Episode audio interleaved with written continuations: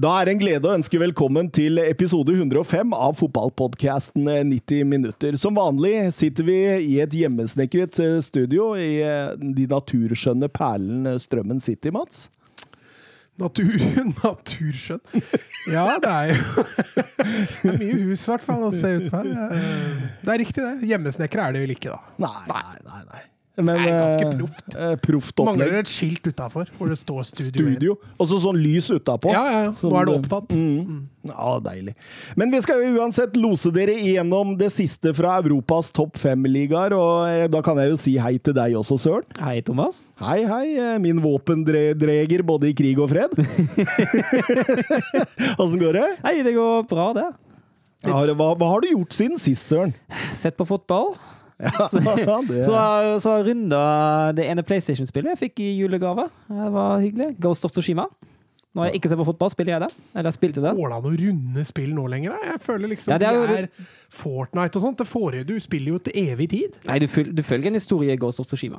Du gjør det. Okay, så det går an å runde du har sånn story mode, og så har du sånn nettopplegg, ikke sant? Jeg tror ikke det, Fortnite tror jeg ikke det går an å runde, for jeg tror ikke det er noe story mode der. Nei, Men sånn for eksempel Du kan ikke runde Fifa heller. Nei, nei, nei, det kan du vel ikke. Det var sånn karrieremode og sånt uh, i Fifa, hvor du Får kunne ikke runde. FM heller, for det går jo til du ikke gidder mer. Ja, det er uh, mye artig navn på slutten i 2073.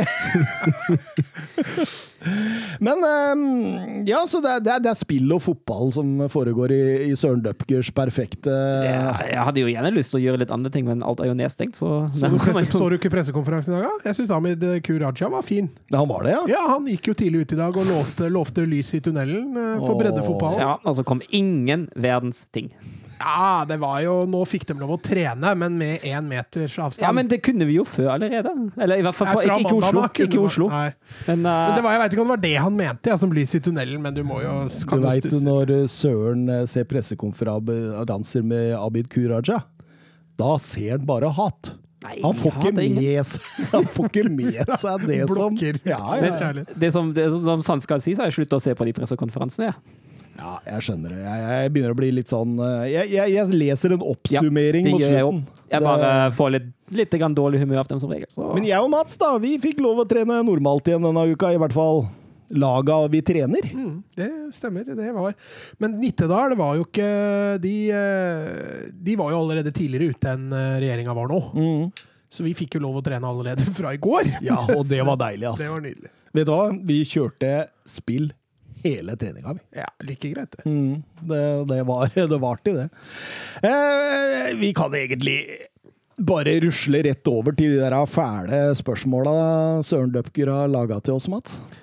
Ja, lykke til, Thomas. Ja, jeg har ikke noen store forhåpninger, men Nå har vi jo laga quizen for deg. for meg For deg! Dette er jo quiz i Thomas Edvardsens ånd. Det er Manchester City mot uh, Stjørdalsblink, dette. Ja, det er faktisk to. Stjørdalsblink 2 er det. Ja, og jeg har da fulgt det samme konseptet vi hadde sist. Jeg har laga en oppvarmingsrunde, og så har jeg laga seks kategorier med to spørsmål hver. Men vi kan eh, starte med oppvarmingsrunde, og da er temaet EM-finale 2012. Thomas? Hvem var det igjen? Eh, 2012 Nei, det var Kan du si hvem det er? Ja, det var Spania mot Italia. Ja, det var det. Ja, okay. ja, det er stor fordel, Mats. Jeg husker ikke så mye. Jeg husker finalen. Thomas, hvor blir kampen spilt? Ute på dypt vann. Stadion. jeg, Kamp Jeg husker trenger bare byen, altså. Ja, men jeg husker jo ikke landet engang. Uh, Nei, vet du hva? For å gjøre dette til god podkast, så svarer jeg med kjapt og greit, Ja. At da var det eh, i eh, Berlin. Det var i Kiev. Ja. Mats, hvilken Barcelona-spiller skåret Spanias andre mål? 2012 Barcelona-spiller. Ja, det var, det, var, det var hyggelig spørsmål. Det var David Villa. Pedro. Må ha vært en av dem. Må du lage god podkast nå, Mats. Ja, jeg går for eh, David Villa. Det var Rodi Alba. Mm. Thomas, hvem slo Spania i semifinalen? Jeg visste jo ikke hva som var finalen engang. Tyskland. Det er feil. Det var England. Ja, stemmer jo det! Nå demrer den semifinalen opp her, i hvert fall. Mats, Ja. Nei, jeg veit ikke. hvem slo Italia i semifinalen? Tyskland. Det er helt riktig. det var 2-1-seier til, eh, til Italia, og Løv fikk massiv kritikk for taktikk og laguttak etter den kampen. Thomas, hvem trente det italienske landslaget? I 2012. Mm, Marcello Lippi. det var Cesare Brandelli. Ja, det var det selvfølgelig. Og Mats, hvem var kaptein for Spania? Var det ikke Casillas, da? Eller var det Nei, det må ha vært Casillas. Han ba jo dommerne om å blåse av kampen tidlig. Nei, det var Casillas. Det er helt riktig. Det var Så det var en god gammeldags eh, i Spania mot Italia i starten. Da, det, da vant du oppvarmingsrunden med 1-0, eh, og da var det vel sånn at du fikk velge første kategori, og kategoriene er som følger. Norsk fotball 2020, toppskårere i Bundesliga, FA-cupen, våre fem ligaer, historiske La Liga og Manchester United. Det var mye engelsk, eh, Søren. Ja, du fikk jo litt Spania i oppvarminga her. Å ja, så OK. Det Utligner, vet du. Ja, nei, da kjører vi litt uh, FA-cup, da. FA-cupen, da. Hvem har vunnet flest FA-cup-titler gjennom historien? Arsenal. Det er helt riktig, Mats. Da er det 2-0. Og Thomas, i 2012-13 klarte et lag som rykket ned fra Premier League å vinne turneringen. Hvilket lag? De slo Manchester City i finalen. Ja, selvfølgelig. det er sånn du veit når du hører svaret. Mm, mm, mm. Ja, den er jeg litt usikker på sjæl, altså. Ja, jeg hadde tatt din. Den var lei, grei. Jeg var ikke lei. Min var litt lei. Men jeg, jeg, jeg, altså, jeg veit jo det når jeg, når jeg hører det, men sier bare Cardiff, da. Det er feil. Mats, vil du prøve? Ja, Kan jeg få et hint, eller? Nei. Åh, ja. eh, hvem var det? Det var jo ikke Sunderland. Eh, de rykka ned og vant. Jo, Wiggen! Wiggen, det er helt riktig, Mats. Der hadde du det, altså. Da er det 3-0, men fortsatt mange muligheter igjen, Thomas. Eh, hvilken kategori vil du ha? Norsk fotball, toppskårer i Bundesliga, våre fem liga, historiske liga og Manchester United er fortsatt Få ta Manchester United, da. Ja, United spiller for øyeblikket i Europa League etter å ha havnet på tredjeplassen i sin gruppe i Champions League. Hvilke to lag kom seg videre fra Uniteds gruppe?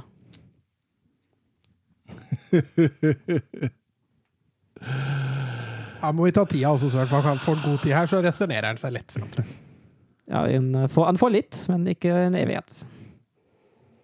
Nei, men jeg, jeg har helt jernteppe, jeg, så jeg bare sender den over til deg. altså. Jeg har helt jernteppe. Ja, vil du ikke tenke Du får litt jeg, Nå, Ja, men jeg, nå nå følte jeg meg jeg, slem. pre jeg fikk presset, så da Nå følte jeg meg slem når du ikke ville Du har fortsatt litt tid, Thomas, altså. Jo, men eh, Bare tenk litt, jeg har lovt det. jeg, jeg er ikke helt i form i dag, så jeg klarer ikke å tenke, egentlig. Nei, altså De som slo ut United fra Champions League, ikke sant? Ja, de to lagene som havner foran i Ja, gruppa. det var Leipzig og PSG. Det er helt riktig, Mats. Da er det poeng til deg. Og så er spørsmål to til deg, da. Siden 17. januar 2020 er Harry Maguire kaptein i United. Hvem var kaptein før ham? Hva sa du datoen var? 17. januar 2020. Ja, var vel Ashley Young? da? Det er helt riktig. Datoen var et hint deg på at det var etter avgangen til Young at han ble mm, annonsert. Da kan du velge neste kategori, Mats. Ja, Hva som er igjen nå? da? Da har vi historiske La Liga. Vi har våre fem ligaer, toppskårer i Bundesliga og norsk fotball 2020. Våre fem ligaer. Den var vag, ass. Mhm. Ja, da tar vi den, da. Da, gjør jeg den. Og da går det ut over at man sammenligner litt i våre fem ligaer. Og da lurer jeg på, hvilken av våre fem ligaer har brukt det minste stadion til regulært seriespill denne sesongen? Hvilke lag? Hvilket, hvilken liga bare, ikke hvilket lag. Jeg har lyst til å si Spania, for både reservelagstadion til Real Madrid og Eibar sin, det er jo knøttstadioner, da. Det Ikke så godt kjent i Tyskland og altså. Italia. Kanskje Frankrike. Der er jeg veldig dårlig kjent, da. Kan jo være Frankrike. Nå var veldig noe av meg prata høyt, for da Nei, Spania. Det er helt riktig, Mats. Og det var stadion til Huesca al Alcoraz. Men uh, både Eibar sin og Real Madrids reservestadion er mindre enn den minste i Ja, de andre det ligaene. tre minste Ja, okay. faktisk. Thomas, i to av uh, våre ligaer hadde vært flest trenerbytte? Hvis man bare bytter Altså av flest antall byttede trener. Du kan nevne, kan nevne en av de. Mm, mm, mm, mm, hmm. Det er jo å gi poenget til deg hvis det er bommer, da. Ja, du, altså det er fem ligaer, og du skal ha det. Så det er Ja, Nå skal ikke jeg begynne å regne ut prosenter her, men uh, Nei, det må jo det, det, det, det må jo være Oi, oi, oi. Jeg har si, veldig liten kontroll på de minste laga i Ligue Ø.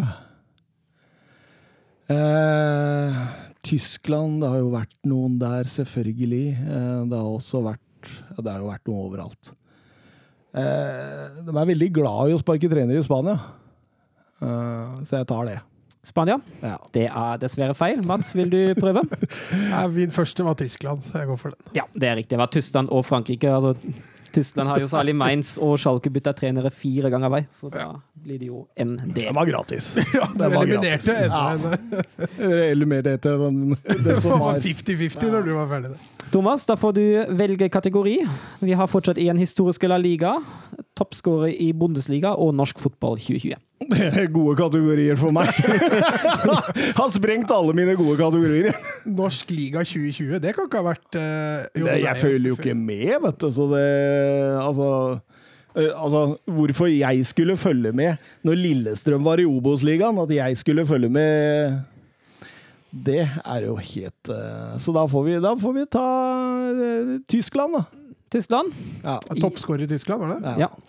Jørn Andersen ble, og som eneste nordmann så langt, toppskårer i Bundesliga i 89-90-sesongen. Hvilken klubb spilte han for? Han spilte jo for mange. Ja, altså da han ble toppskårer, da. Ja. Hva spilte han for da?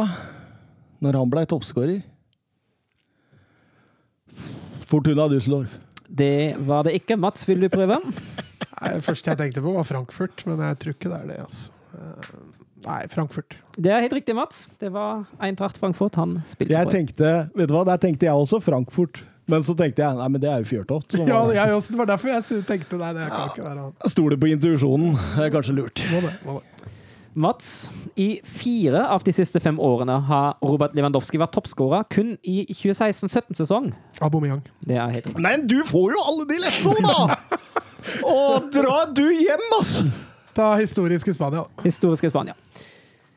Hvilken spiller har spilt flest kamper i La Liga noensinne? Det burde jeg jo selvfølgelig kunne. Ah, Herregud, hvem er det? En spansk spiller? Hvem har spilt flest Var det det var Ja, hvem, hvem som har spilt flest i Spania noensinne i, på, Ila Liga? Ja, For det er jo ikke Messi.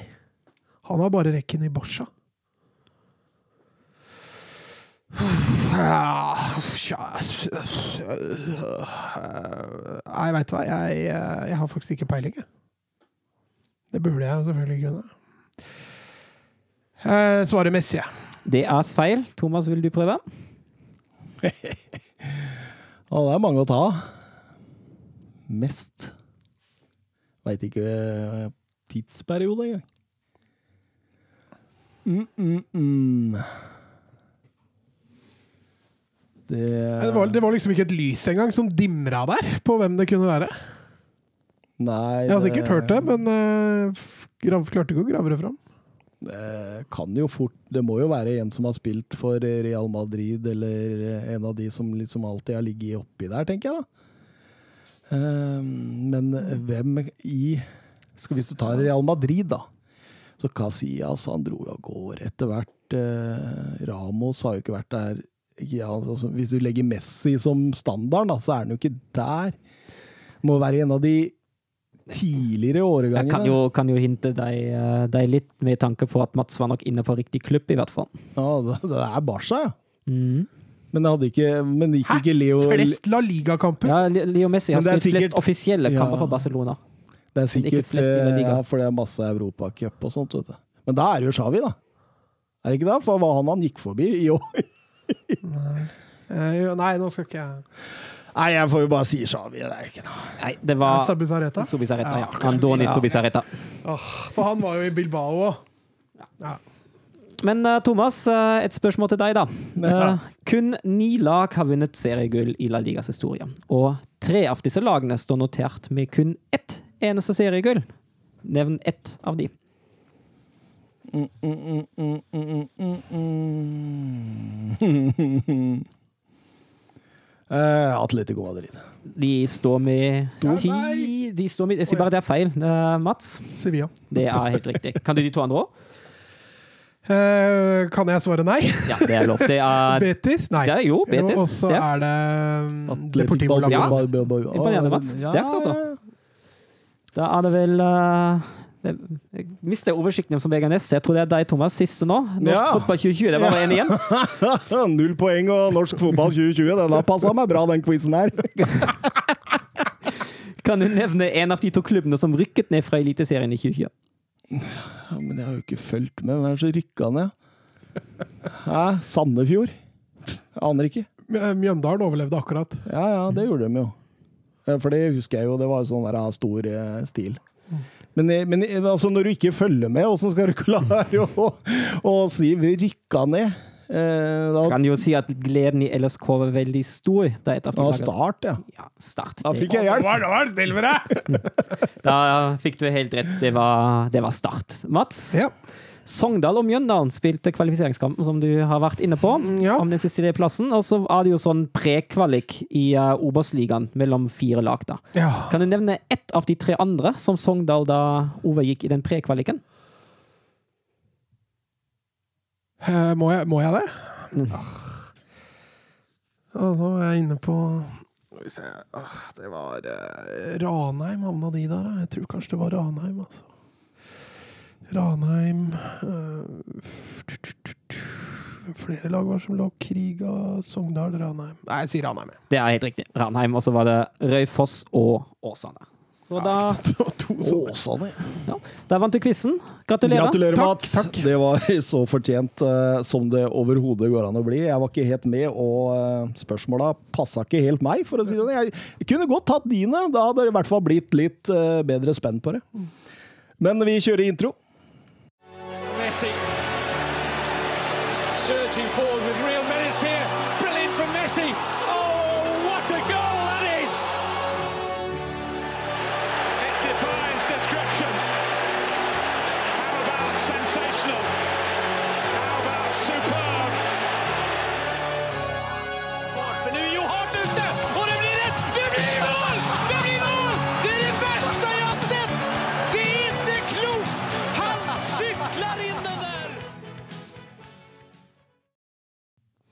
Ja, da er vi tilbake igjen her, da, Søren. Det blir jo du og jeg som må få avslutte dette. For Thomas han eh, dro i sinne, han, rett og slett, etter den forferdelige quizen du hadde der. Ja, jeg tror han eh, trengte litt tid nå, ja. Og så med et lidenhetspoeng på slutten der! Ja, det gidder jeg ikke! Nei, nå var vi ferdige mot Thomas her, eh, Søren. Du kommer deg tilbake igjen, Thomas. Ja Det må være lov å blåse ut litt, må det ikke det? Veldig lov, veldig lov. Det, det, det var eh, Altså, når du sitter og hører du får poeng etter poeng på ting jeg kan, og så sitter jeg og får jernteppe sjøl på ting jeg eh, De spørsmåla jeg får, og så føler jeg også et sånn tidspress.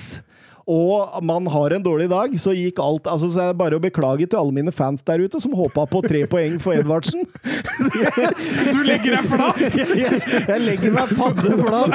Dette var nesten flaut, men, eh, men eh, jeg kommer tilbake sterkere. Altså, jeg, jeg gjør det. Men jeg må si den kommentaren du akkurat hadde før vi Ja, gikk på her. Ja, jeg knakk helt sammen. Du sitter altså med arma i kloss og furter, og, og så Det er ikke gøy å bli ydmyka, og så får du et sånt veldedighetspoeng på!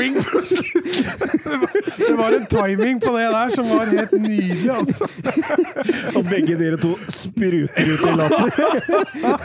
Nei, den timinga traff du med perfekt. Men det fikk jo stemninga litt opp igjen. Da. Ja, gjorde det. Gjorde det. Absolutt. Uh, nei, istedenfor uh, Subisareta og EM-finaler i 2012, så skal jeg eh, heller lose oss igjennom hva som har skjedd i helga. Ja, det kan vi gjøre. Og Du da kan vi jo begynne på Etihad Stadium mellom Manchester City og Leeds, som var den første av våre kamper, i hvert fall, som ble spilt i Premier League. Ehm, Hele sju bytter eh, etter Champions League-kampen mot Dortmund i midtuka. Både Kevin De Brøne og Diaz eh, hvilte, så nå er pepperuletten i gang, folkens. Ja, det er nok det. Og det er jo, vi sa jo at uh, vi regnet med en litt klar City-seier. Den kamp blir jo spolert på Dortmund, så han må nok ta litt med hensyn til den retur, det returoppgjøret i Dortmund nå enn han kanskje hadde lyst til, og det ser vi nå i oppstillinga. Ja, han hvila jo Gundogan, og Foden var også på benken. Og, og Laporte var vel skada, var han det? Eh, han var i hvert fall ikke med. Uh, så han, han kaster innpå litt ymse til den kampen her. Som, men allikevel, selv den oppstillinga der, så forventa man før kamp at eh, City skulle dra i land det der. Altså. Og det er vel ikke feil å si at de var best? Ja, de var klart best, Liten understatement, det der også. Fra A til Å.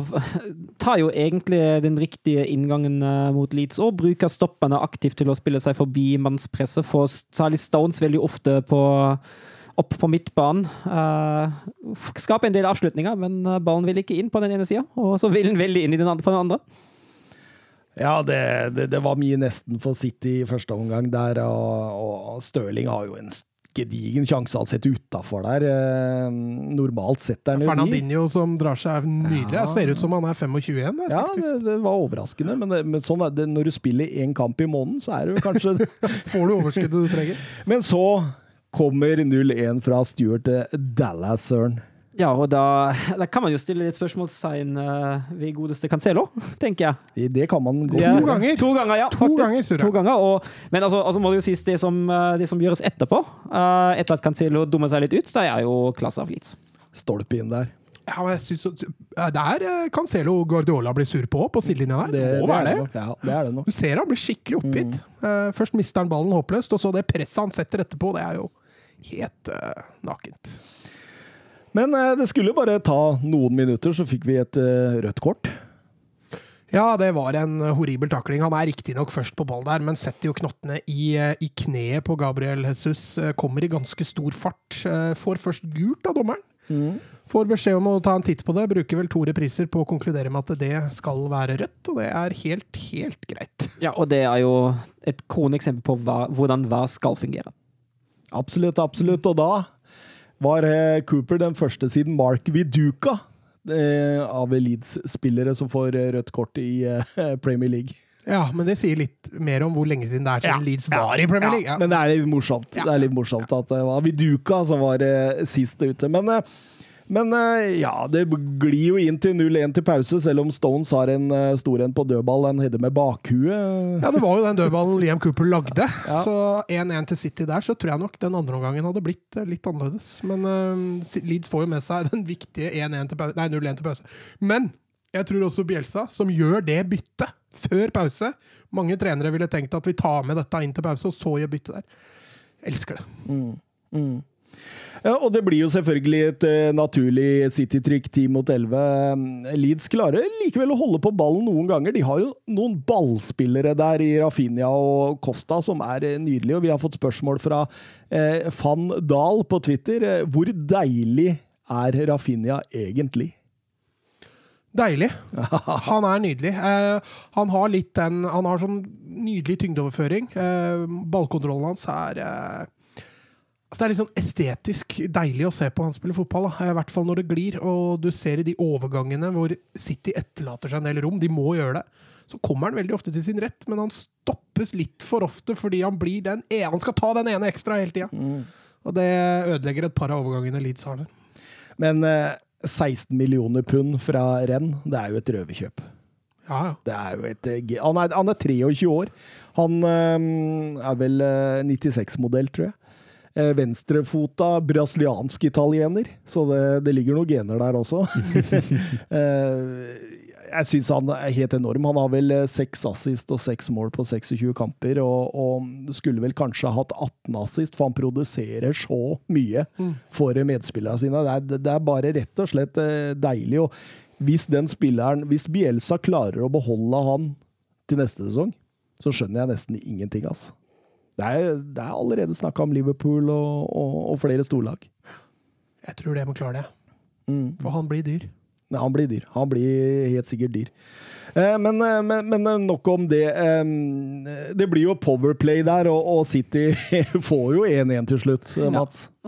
Ja, Ferran Torres som, som etter et fint forarbeid, hvor han bare kan plassere ballen fra ca. 16 meter cirka, eh, i mål, og et veldig fortjent utligning av, av eh, City. Og da tenker man jo at nå, nå, blir det, nå skal dette gå veien allikevel.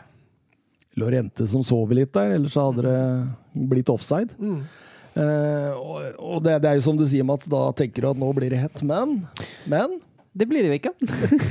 det er en skotsk spiller som uh, ville det annerledes. Ja, De fikk jo et lite varselskudd uh, rett før 2-1-skåringa over City. Uh, den ene situasjonen som Ederson uh, redda, det var vel mot Rafinha. Ja, mm, det var, å runde keeperen. ja, var vel nære på det òg, men uh, City til slutt på nok en overgang til, til Så slår den pasningen gjennom til Dallas der.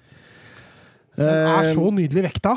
Ja, ja, ja. Alioski, er det ikke det? Perfekte rom, eh, og, og Dallas kan bare ta den med seg. Slipper å, å, å tilpasse farta si. Han kan bare løpe ballen inn i løpsretning. og Litt heldig, kanskje, som får den mellom beina på Ederson, men eh, klasse, Og- og- klassekontring. Og da ser det ut som Bielsa får slag eller et eller annet sånt. Det ser ut som han går i svima ut på sidelinja der. Det er artig, altså. Du Ja. må bare elske den karen der. Og du ser jo etter kampen òg, Pep Guardiola er sikkert relativt misfornøyd, men i møte med Bielsa der, så du ser en respekt. Ja. Altså, altså, tror jeg Hvis det er én trener Pep faktisk takler å tape mot i Premier League, da er det kanskje Bielsa. Men er det ikke noen som bør si fra til Bielsa at han må rette på brillene? De er jo skeive hele kampen! Altså, Ja, men jeg tror ikke han, han tenker ikke nei, han, men det er derfor jeg sier at Ja. noen må si det Ja, til han. ja, ja. For jeg veit at han ikke får det med seg. Ja, ja. Men noen Han må si ikke- til han du, du må rette, de brillene er fryktelig skeive. Hadde han glemt å ta på seg bukse, så, så hadde han gått uten bukse ut på Etiad. Han. Det er derfor jeg sier han trenger noen som kan si det til han. Bielsas bukser. Det er tittelen på podkasten. Leeds, eh, kun tre nyopprykka lag har tidligere slått Premier League-lederen borte i Premier League-historien. Det er Ipswich gjorde det mot Norwich. Ispi, ips, Ipswich. Har du ikke sett den videoen med Bielsa? Nei. Ja, den må du se. Å, fortell. Bielsa sier Ipswich. Det kan du søke på YouTube. Det er noe av det råeste videoet. Det kommer til å redde dagen din Ja, når du ser den videoen. Det går gærent. Det går skikkelig gærent. Altså, det er Ipswich. Ips, Ispich eh, Altså, han klarer det ikke. Ja, den, eh, den eh, må jeg se mens vi eh, kjører ut eh, episoden her. Det kan du gjøre. Um, det er også Derby mot United i 97, og det er Hull mot Arsenal i 2008. Så så enormt historisk er dette, egentlig. Altså, det, det skal nesten ikke være mulig. Altså. Ja, Det skulle jo egentlig ikke vært mulig i den kampen, hvis man er helt ærlig. Altså. Vi drar over til Anfield. eh, Liverpools oppgjør mot eh, Aston Villa. og Det, det første som slo meg der, var eh, hvorfor rullerer ikke Klopp enda mer? Vi snakker om et hjemmekamp mot Aston Villa som har kun én seier på de siste fem, og er uten Jack Grealish. Ja, og at Liverpool har en midtukekamp. Det er det du tenker Ja, da på, jeg tenker jo på. Real Madrid, da, at de skal ut og Men har han for vane å rullere fra i fjor? Og så tenker du, jeg tenker jo det men, han- men er dette årsaken til at uh, han sliter sånn med disse skadeproblemene nå? Det kan jo være et bidrag til det. Det vel, var vel en del muskelskader i, uh, i Liverpool gjennom tiden. og det er jo, Vi var vel inne på det litt før, jeg husker ikke om det var i en chat i en, i, en, uh, i en episode, at vi sa at det er litt rart at det blir så mange muskelskader. Det er jo et eller annet som ikke helt, ikke helt passer sammen her. Men eh, Liverpool best ut, og de setter jo Aston Villa omtrent umiddelbart under press. Ja, jeg syns det er et voldsomt trykk og gjenvinninga. Jeg syns det ser ut som gode gamle Liverpool de første 25-30, eller egentlig fram til Aston Villa får, får målet sitt. eh, Så syns jeg Liverpool kjører den kampen eh, fryktelig. De sliter med å skape de store, store sjansene ofte. Men alt fram til det skal skapes, er litt gode gamle Liverpool over. synes jeg. Syns det er litt upresis i siste tredjedel. Det er litt av det, er litt av det skurrer. At det er litt, rot, litt rotete, litt feil valg, litt dårlig pasning av deg. Mm, Og Ja, mye, mye henger sammen med Firmino. For Firmino er ikke han har ikke den formen igjen som en sånn møtende nummer ni, en, en eh, kom- Ja? En kombinasjonsspiller. Han har ikke den formen inne, og du ser at hver gang han får ballen, så er det er et litt for langt touch, eller det er, det er et eller annet som, er som skurrer, og da, det er noe med rytmen. Det er jeg helt enig med deg, men, men der er det litt sammensatt. òg, For du ser Arnold og, og Robertson på bekka, de, de har ikke de samme bidraga i form av assister og sånne ting som det de hadde i fjor. Og som du sier, Firmino, som, som ikke greier å sette opp disse kombinasjonene offensivt. eh.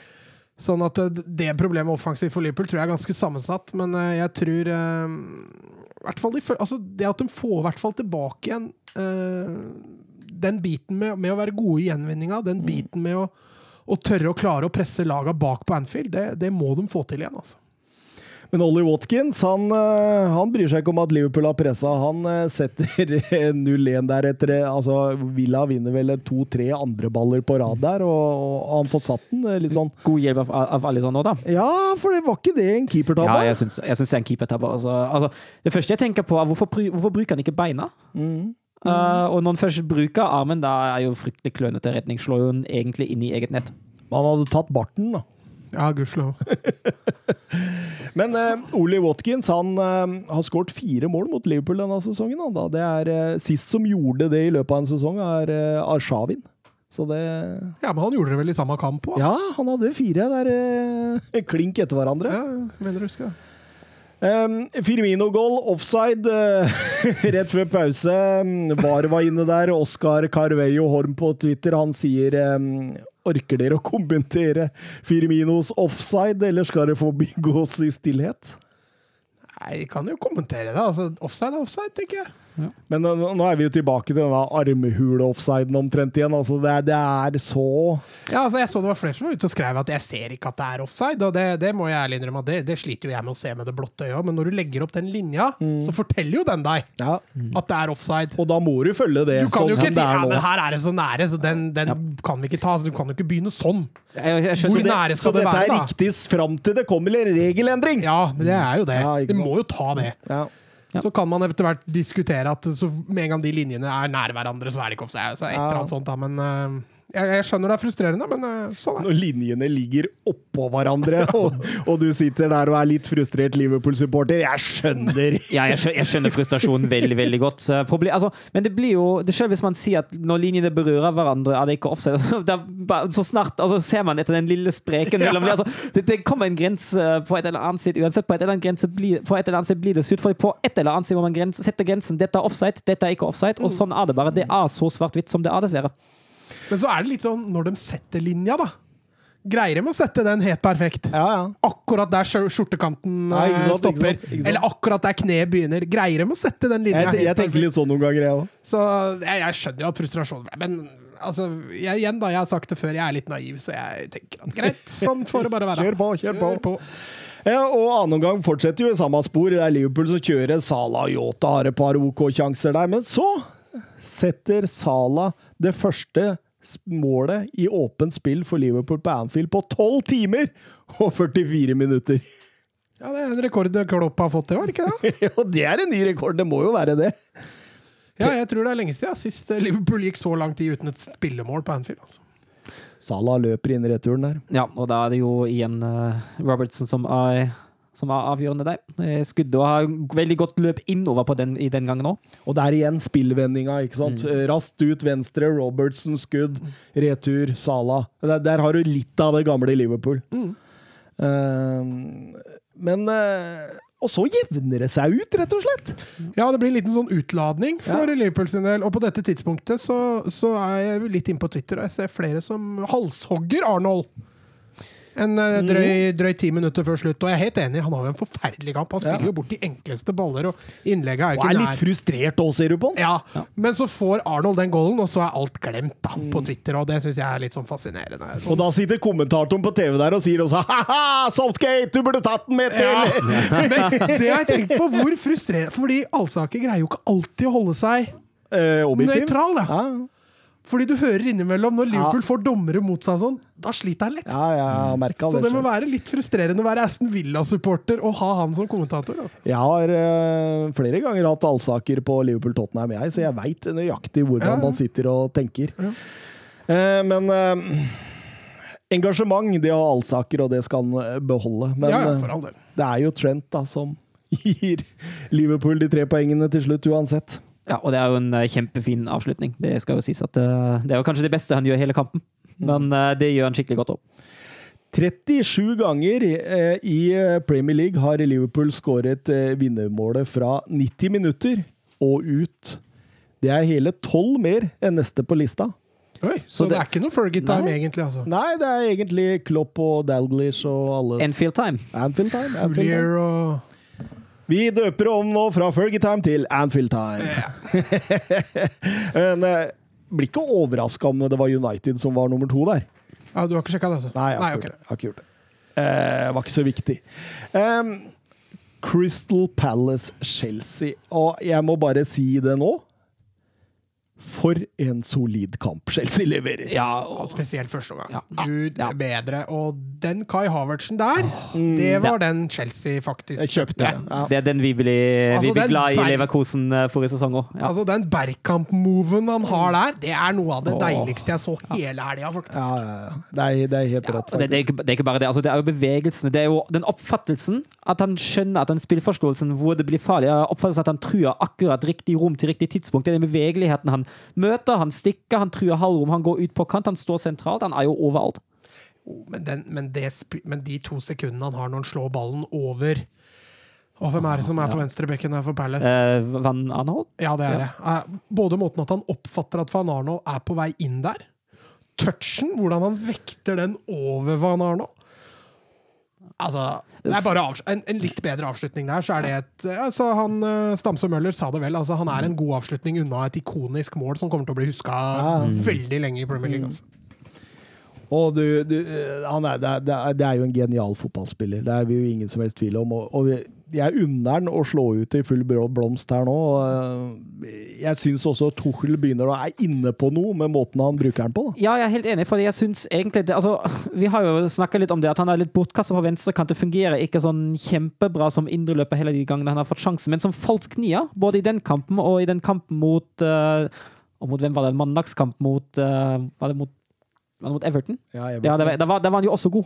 Mm. Uh, jeg syns som falsk nia fungerer han, uh, fungerer han veldig veldig godt i det Chelsea-laget, særlig med tanke på hvordan det Chelsea-laget spiller. Absolutt. Og, Men da er det jo ikke plass til Werner. Ja, det, Nei, fordi Pulisic hadde jo også en strålende Ja. fotballkamp. Og Mason Mount han er jo den mm. mest faste i hele Chelsea, hvis du ser bort fra å spille Cuelta under Tuchel. Så Ja, og under, med denne fotballen så fungerte jo også Hudson Odoi. ja, absolutt. Så hvor skal Werner inn? Ja. Nei, det, det er vanskelig. Til og Altså. med Chilwell var god. Han har jo ikke vært god i neste Men jeg, kamp. men, jeg tror, men jeg tror ikke Tussel tenker på Werner som en høyre wingback. Altså det, Nei, nei, men, men, men, du tenker hvis du kan ja. bruke han høyre Men altså, jeg tenker, altså, Chelsea har jo så tett kampoppgang og spiller så mange kamper. Altså, det blir jo kamper der Timo Werner får ja, ja. Ja da, absolutt. Eh, absolutt. Men, men, men det, det brenner et lite lys for Timo Werner nå, Ja, i forhold til hvor ofte vil han få altså For han har jo fått veldig mye tillit. Mm. Eh, hvor ofte vil dette eh, gjenta seg med den tilliten hvis eh, Hvis det, det er denne trioen på topp her nå, da, som ja. slår igjennom? Fordi det er jo ingen tvil om at i, forhold til Champions League, i forhold til innspurten i jakten på topp fire, så kommer nok Tuchel til å velge det han tenker er best. Og det samme gjelder jo også Hakem Ziyech. Ja, Det er jo akkurat samme Men han, han har jo vært altså Etter en god åpning, ja, ja, så har han falt Drastisk. drastisk, ja. Det er eh, nesten fælt å se den, liksom. Det er ingenting av Hakim Ziyech vi så i Ajax igjen. Ja, eller de første to-tre kampa hvor han var strålende. Mm. Uh, Sistemann sett av Siertz. Han også, i likhet med Werner, må løftes, altså. Men, men, men det blir ikke sånn at Havertz, Pulisic, Zuma før det har gått halvtimen, 3-0 der, og det Det- Og det er jo først da Christer Palace begynner å låne litt ball. Det er Ja. først da Chelsea begynner å slippe seg litt grann ned og la Palace komme bitte litt inn i kampen, men det, Chelsea har fortsatt full kontroll. Ja, og, og selv om de slipper seg ned, selv om de tenker, altså går ned på en sånn 80-90% og tenker Champions League i midtuka, så, så er de jo det suverent klart beste laget. Ja, og det ser de jo også etter 3-1. Altså, det, blir jo, det blir jo aldri noe særlig spennende selv etter 3-1. Altså, man sitter jo med den følelsen selv før Chelsea skårer 4-1, at ok, Chelsea er mye nærmere 4 enn Christer Palace av 3-2. Altså. Men når Benteke satt eh, 1-3 der på hodet, så tenkte jeg Der er en vi glemte å diskutere på vår Giants 11. Ja, det er for så vidt sant. Hva for det? Han er diger. Ja, det er så. Men eh, ja, Pulisic setter 1-4, og det er, det er cruisekontroll, og det er eh, Altså, hvis Chelsea spiller sånn her i Champions League, så kan de gå til finalen. ja, hvem er det de har på tre nå? Er det PSG? Det er bli, kan Nei. bli PSG. Nei, Nei, nei, det er nei, Liverpool eller det er Liverpool eller eh, Real, ja. Men de, med det de viser her, Ja. så har de potensial til å slå ut begge de to. ja. Så det Men så kan de også spille som de gjorde mot West Bromwich. Ja, det er nettopp det. Så du, så du, du må opp på dette nivået. Ja, ja, ja, utvilsomt. Men dette var en maktdemonstrasjon. Og Tuchel han er ubeseira borte eh, i Premier League for Chelsea. Det er kun Skolari som har åpna bedre som Chelsea-trener eh, borte, vekk fra brua, enn det enn det Tuchel har gjort så langt. Så det, det er jo åpenbart at dette managerbyttet fra Lampard til Tuchel har jo gitt Umiddelbar. ja, det har gitt en effekt. Og, og jeg syns du også ser liksom Det er en annen aura over det Tuchel gjør. Ja, jeg syns, jeg syns angrepsspillet er mye mer strukturert. Det er litt det det Ja, forsvarsspillet òg. Ja, ja, for, for, ja, all del. for all del. For all del. Men jeg synes, altså, ja, det er mye mer struktur, uh, struktur i, i Chelsea-spill. Og jeg syns jo også han er flinkere til å bruke spillerne på riktig måte. Han prøver jo litt. Han er, han er god til å prøve mot uh, litt mer antatt svakere motstand, uh, og så tar han videre det som fungerer. Og så er en ting som du også ser, det er de første sekundene etter Chelsea har mista ball. Der også ser du stor forskjell under Lampard. altså. Måten de skal vinne igjen den ballen på. Jorginho og. Kovacic der Ja, ja, står. De er, de er enormt gode altså, i den gjenvinningsfasen. Eh, stor forskjell fra under Lampard. Det virker jo rett og slett som Kanté må finne seg en plass på benken, fordi den på en måte den perfekte duoen på midten der som han har funnet, den konstellasjonen som passer best, det er Kovacic og, um, og Jorginho. Mm. Og Jorginho har jo vært strålende Ja. den siste tida. Eh, Vi må over til eh, Tottenham Hotspur Stadium. eh, Tottenham mot Manchester United. Og det første som slår meg, i hvert fall, det er Det virker som Henderson har tatt over førstekeeperplassen i Manchester Ja, United. det ser litt sånn ut. Jeg tror De Gea får lov å fullføre Europa League, og så står Henderson resterende i Premier League. Men så leste jeg litt, var litt dypt inne i United-land her og, og leste litt, og, og dette er åpenbart en eh, Ifølge enkelte kilder, da, så er dette åpenbart en eh, audition. På, fordi det er flere i United-systemet som er usikre på om Henderson er god nok. Så at han har en audition ut sesongen til å vise seg fram, og hvis ikke han, eh, han består den, så kan Manchester United være på vei eh, til å hente en ny keeper, og da tenker jeg Donnarumma. Donnarumma. Mm. At det nesten Altså, det Da skal de kvitte seg med til GA òg, da. Da må de selge Da har de tre av de bedre keepere i Europa. De må jo selge i hvert fall én av dem. Det er Manchester United, vet du. Jo, men De Gea han er den best betalte spilleren i klubben. Tre keeper. Tre keeper. Ja, Sette tre altså, han mm, høres, høres, ut som god business. Men en tett og jevn første omgang. Ja. Ja. Eh, Syns Tottenham eh, har lagt en veldig god kampplan her. Første gangen syns jeg det meste stemmer for, eh, for Spurs. I hvert fall defensiv organisering og måten de fjerner United sine styrker på. Ikke det at Tottenham sprudler så fryktelig mye offensivt, men, eh, men jeg føler Tottenham har god kontroll på United. Eh, og Høibjerg han isolerer jo eh, Bruno Fernandes, tar han helt ut av kampen. Og, og det blir mye mer et spill på Fred og McTominay. Mm. Og det, det, det tjener Tottenham eh, voldsomt på defensivt. Ja, det er ikke de to mest kreative gutta i Premier League, så, så det at de må være spillfyrere, det er klart det, det slipper Tottenham mye billigere unna med. Eh, så det er helt klart at det var litt det jeg var inne på. Gameplanen til Mourinho. Den eh, Jeg vet ikke om Mourinho Han satt fra første, første det. stund. Eh, han treffer i hvert fall i 45 minutter. Ja, ja. Eh, hva tenker vi om eh, situasjonen der Kavani skårer og Vare går tilbake og tar Son eh, McTominay-duellen? Ja, i fare for å gjøre meg upopulær nå, men eh, jeg syns, jeg syns det er greit å blåse den. altså. Jeg tenker på den Lamela-situasjonen mot Arsenal, da Lamela ble utvist eh, mot Tieni med sitt andre gule kort. Eh, Hva er det du ler av nå? Sa du ikke Namena? Lamela, sa jeg.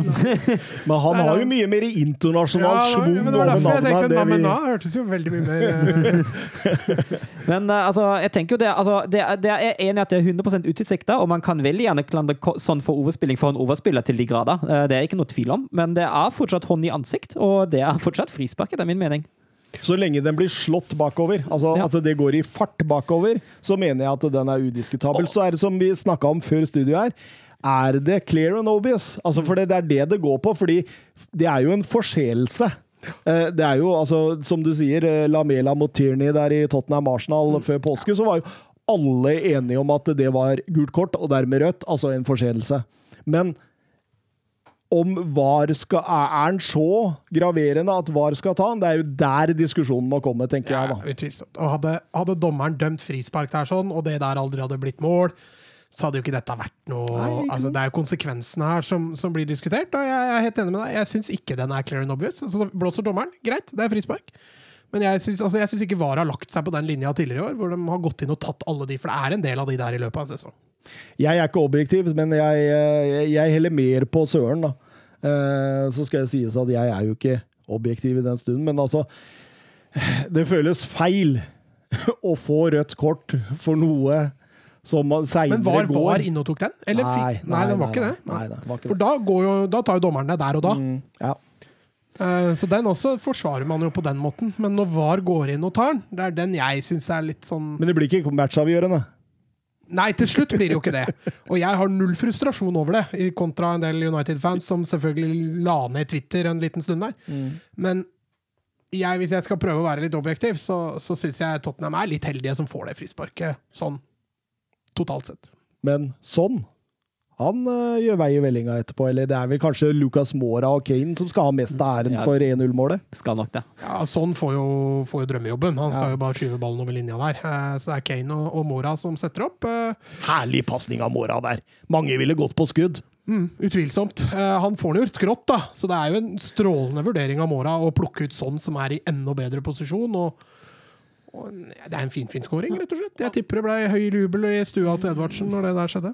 Og kanskje snakke litt Victor Lindeløf òg, da. For Ja, han, det eh, kan, jeg kan kommentere han òg, ja. Det er jeg helt enig. for han eh, gjør ikke en god forsvarsjobb. Nei, absolutt, men så går man over til annen omgang, og så, og så ser man etter eh, fem-ti minutter at eh, her er Tottenham begynner å havne litt på felgen igjen. Og, og, og eh, vi kan jo ta et par av disse Twitter-spørsmåla våre. Det, mm, eh, Alex Andreball spør eh, hva skjedde med frimerket Høibjerg eh, hadde på Bruno i annen omgang, og Petter Støvland han spør hva skjer fra første omgang til annen omgang. Spurs god kontroll i første omgang, totalhavari i annen omgang. Hvorfor? Jeg tenker jo En av årsakene av bruken av på Pogba, eh, egentlig på venstrekant, han trekkes mye mer inn sentralt i andre omgang, og plutselig får Høibjerg problemer. For plutselig kan han ikke ha den frimerka på, på Fernandes lenger. For plutselig har han da to i det rommet han må dekke. Og det gir egentlig både Pogba og Fernandes litt bedre spillerom, for plutselig er Høibjerk fanget mellom to, og begge to får større friheter. Som igjen ender opp med Sissoko-bytte, hvor jeg syns han eh, Mourinho sier OK, vi, vi må ta hensyn. Ja, absolutt. Absolutt. Og da gir du fra deg et visst initiativ òg. Ja, du hadde muligheten, i hvert fall. Men uh, istedenfor å gjøre noen små justeringer også innad, så, så tar han heller og erkjenner at det er greit. Vi må gjøre om. Og det kan jo være fornuftig noen ganger, det, Ja da, men her, absolutt, men her her gikk, det, det dårlig- dårlig gikk det dårlig. Og jeg syns United eh, til dels kjører over Tottenham i annen omgang. Ja, litt til Tottenham eh, begynner å bli et problem, altså. Eller begynner å bli Ja, er, er et problem. Dette Tottenham-syndromet, hvor, du- hvor du leverer en, en decent førsteomgang og følger opp med en, eh, med en dårlig andreomgang. Uh, og jeg er helt enig med deg. Jeg synes, uh, at United snur den kampen der, basert på den andre gangen, er fullt fortjent. Blei diskutert heftig i Tottenham-miljøer om laget er for dårlig trent. Ja, vi har vært innom det. Vi har vært innom både det mentale Altså- og det fysiske. Altså, nisselue på uh, skriver til oss på Twitter her. Spurs er nest best i Premier League til å skåre først i kamper og nest best på pausetabellen. De vinner færrest kamper av alle lag når de har tatt ledelsen til pause.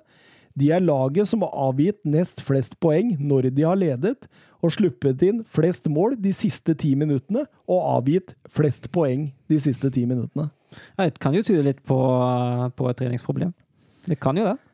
Ja, altså det, altså det er, når, når, han, skri, han skriver det fint, og han skriver det sånn det er, Dette er svart på hvitt. Sånn er det.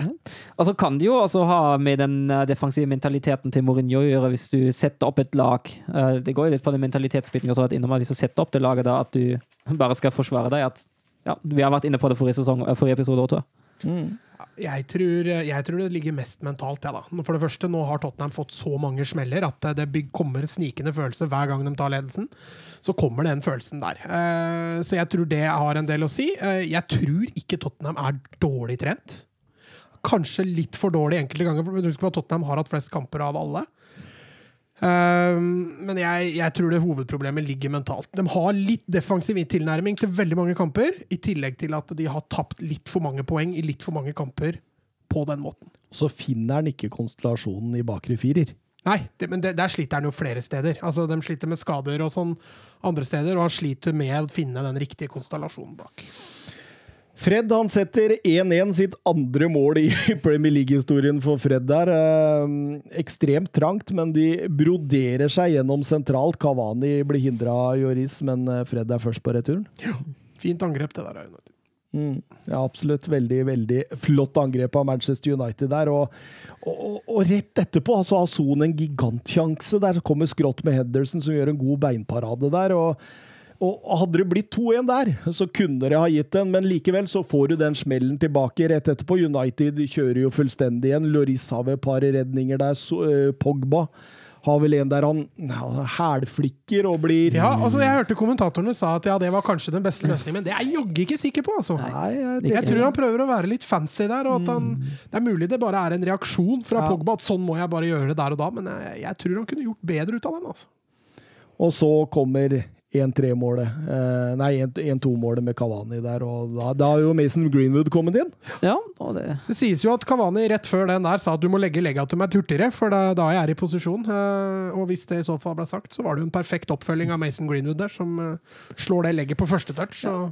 Det er så farlig når du slår med venstra innoverskudd i en sånn korridor. Og viser seg at stupheadingen ikke var død, døde med van Persie likevel, da.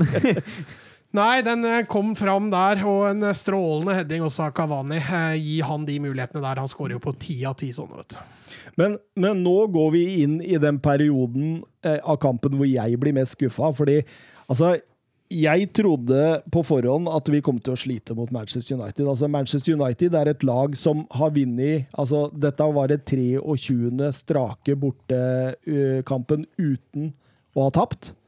Så at dette er et lag som omtrent er skapt for å spille borte.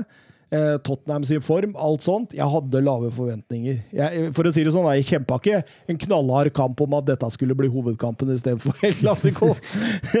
men, men, men så kommer den responsen vi viser etter 1-2. Der sliter jeg. Der sliter jeg voldsomt. Det ser ut som en gjeng som har tapt kampen Ja. idet Kavani stuper inn 1-2. Og det er jeg for så vidt enig med deg i. ja. Så hadde jeg vært Tottenham-supporter, hadde jeg sikkert vært frustrert over det sjøl, for det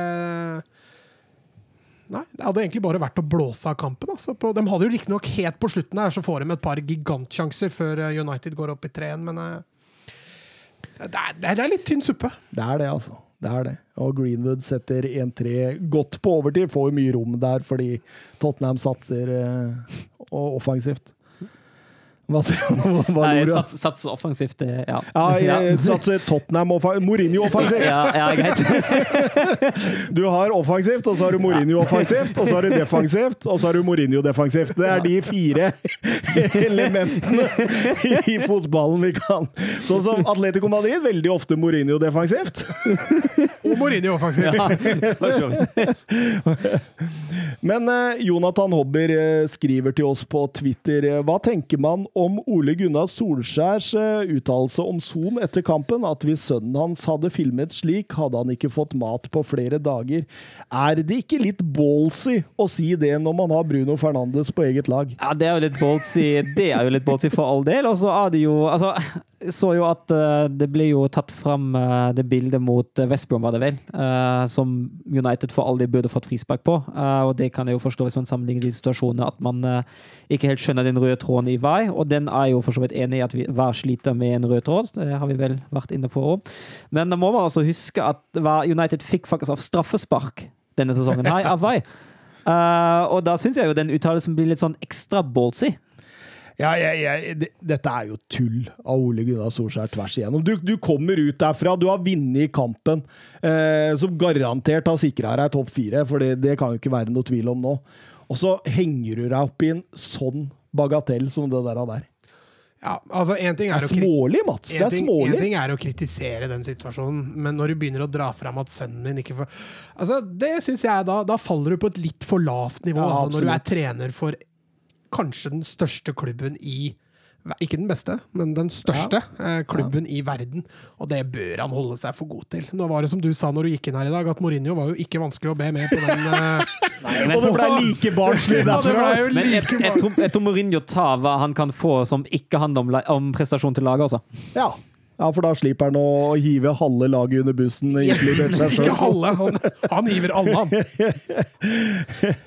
Har du gjort det nå? Jeg hørte ikke noe intervju med Mourinho. Jeg, jeg, jeg Bare den responsen til Ja, eh, Solskjær. Jeg blei litt for skuffa til, å, til å, å sitte og se utover. Fordi jeg måtte se den i opptak seint pga. jobb. Ja. Så det var um, Det var eh, jeg orka rett og slett ikke. Jeg var så Jeg, jeg orka ikke. Nei, du, du kjenner hvordan det er. Ja. Vi har alle, begge vi har alle, begge- alle kjent på det den helga her. Ja. Faktisk har vi det.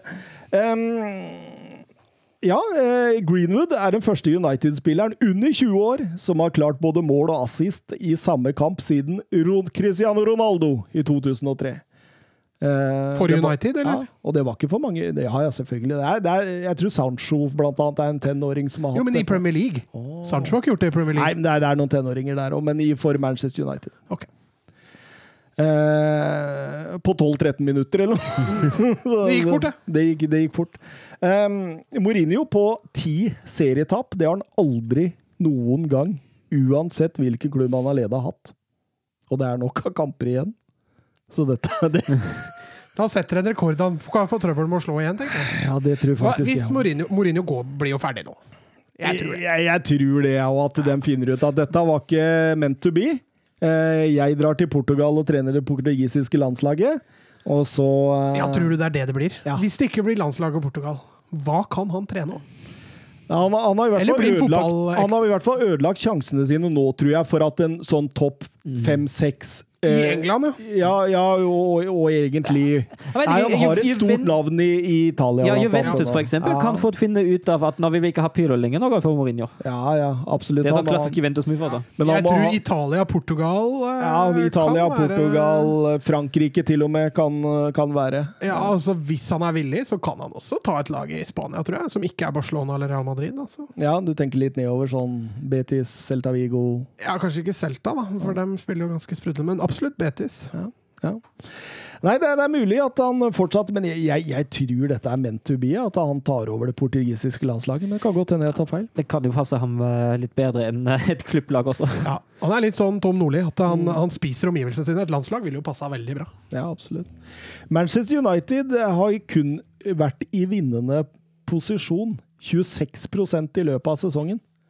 Tottenham har vært det 42, altså i forhold i kamp, kampsituasjon, da.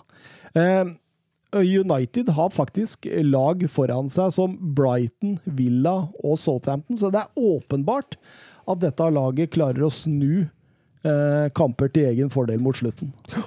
Men det har de vist gang på gang. Jeg vet ikke hvor mange ganger de har havna under. Jeg. Leste du nettopp det nå?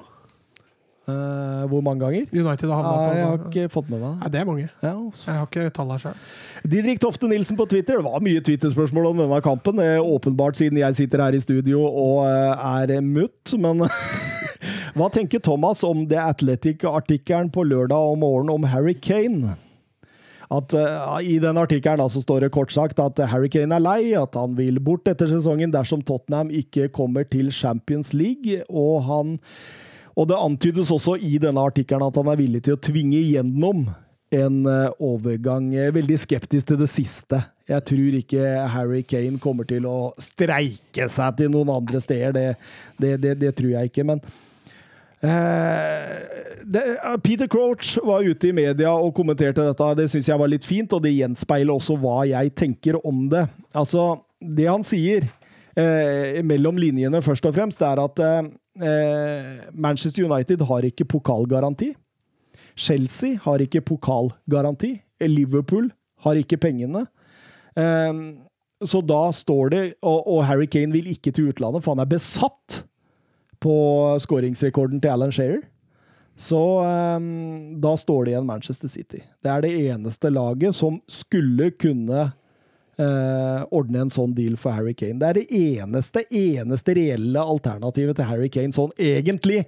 Sier, eh, sier eh, Crouch. Han, han nevner også at eh, jeg drømmer om å gå det 18. hullet på Augusta, altså en master i golf, med ledelse på tre slag, men jeg aksepterer at det neppe, ikke skjer, at det neppe skjer. Um, Levi kommer ikke til å la seg rikke, sier han i forhold til dette. Så det kan bli en saga, det kan bli spennende, men jeg også har den tanken om at eh, han går ikke til Manchester United. Det kommer han ikke til å gjøre. Tottenham og Levi har også en sånn nag til Manchester United etter måten de henta Berbatov og Carrick på i sin tid, eh, som ikke helt forsvinner.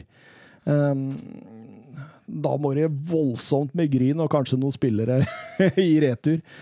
Eh, Jeg, jeg, jeg ser kun City som en mulighet, men jeg tror ikke City Men der har er å- der han også har vært sterkest rykta. Ja. Men, men, men, Men City kommer ikke til å kjøpe både Haaland og Kane.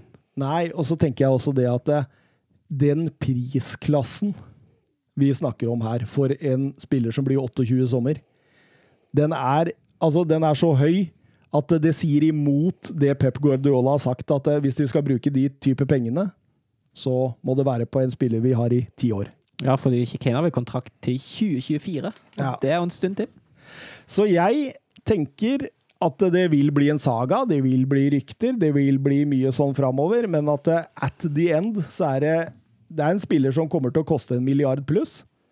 Og i koronasituasjon, økonomi, alt det der, der så, så har ikke han noe annet valg enn å bli. Det blir spennende. Det Og jeg, og jeg tror ikke det er typen heller som kommer til å bråke eh, og gjøre det vanskelig om han må bli. Nei, det er jeg enig i. Det virker ikke sånn. Altså, I hvert fall ikke mot Tottenham heller. Det er jo klubben hans. Han ødelegger jo hele sitt ettermæle hvis han gjør det. Jeg tror det er lettere for han å lage litt trøbbel hvis Mourinho blir.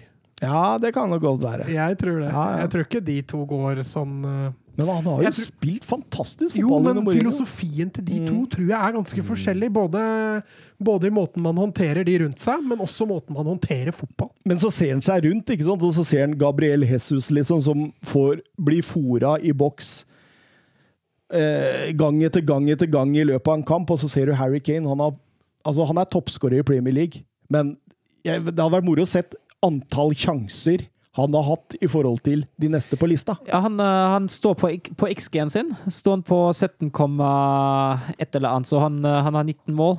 Ja, for det hadde du en sak om på fotballen Ja, her, det så jeg jeg. stemmer det. Så han, eh, han, han lå, lå 1,7-ish over, og det er jo ganske bra, men han er ikke blant de ti mest effektive. Han er ikke det, nei. Nei, nei, nei. Det er mest effektive har vel, eh, har vel pluss 4,5. i Premier League. Hvem er det? Å, jeg husker ikke. Har ikke var, du skrevet en artikkel jo, det var Madison, det? Altså? James, James Madison. James Madison, Ja, stemmer. mest ok, men da, men, men, men det, ja, ok. Kan du gjette hvem minst effektiv er, da? Vinicius junior? Nei. Timo, Timo Werner, faktisk. Timo Werner. Yes! Vi går over til Bramall Lane og um, Sheffield Uniteds oppgjør mot uh, Arsenal. Og um, Arsenal eh, Tøft returoppgjør mot uh, Slavia Praha nå. Altså, Det blir litt tøffere enn det de kanskje hadde sett for seg, tror jeg. ja, men samtidig, altså, dette Slavia Praha-laget det er jo det som har gitt uh, Premier League Kofal og Sjosjek. Det er, eh, de topper 17 poeng foran Sparta Praha i tsjekkisk liga. De, de er tydeligvis eh, et meget, meget habilt lag. Har fått opp et godt lag der. og eh, De har jo et par spillere. Sima der, spissen på 19 år, og, og eh, Lukas eh, Proved. eh, fantastiske spillere. Ja. Så eh, morsomt å se den 1-1-kampen mot Arsenal. At det, det finnes spillere i Slavia Praha som er på individuelt like godt nivå som mange Arsenal-spillere. Altså. Nei, men poeng, altså Litt av greia der er at Arsenal kan ikke dra ned til Praha Nei. og hvile, Og hvile, hvile, nei. Nei, Det går ikke. De har ikke kjangs. Da kommer de til å tape mye. Det er jeg helt enig med deg. Dette Praha-laget er en skikkelig nøtt for dem. Altså. Eh, Og så er Tini skada, Aubameyang er skada, Martin Ødegaard er skada. De har skader. Eh... Gabriel ble hvilt, han nå. Nei, han spilte jo denne kampen. Nei, jeg, jeg tenkte på Gabriel Martinelli igjen. Ja. Nei, jeg tenkte på Ja, ja, det tenker jeg nok. Ja, og det blir jo det blir jo en interessant formasjon, det Arsenal Sjaka på venstrebekken. Ja. Ja, så det, det blir jo med, Men med fikk ikke Gabriel et rødt kort der?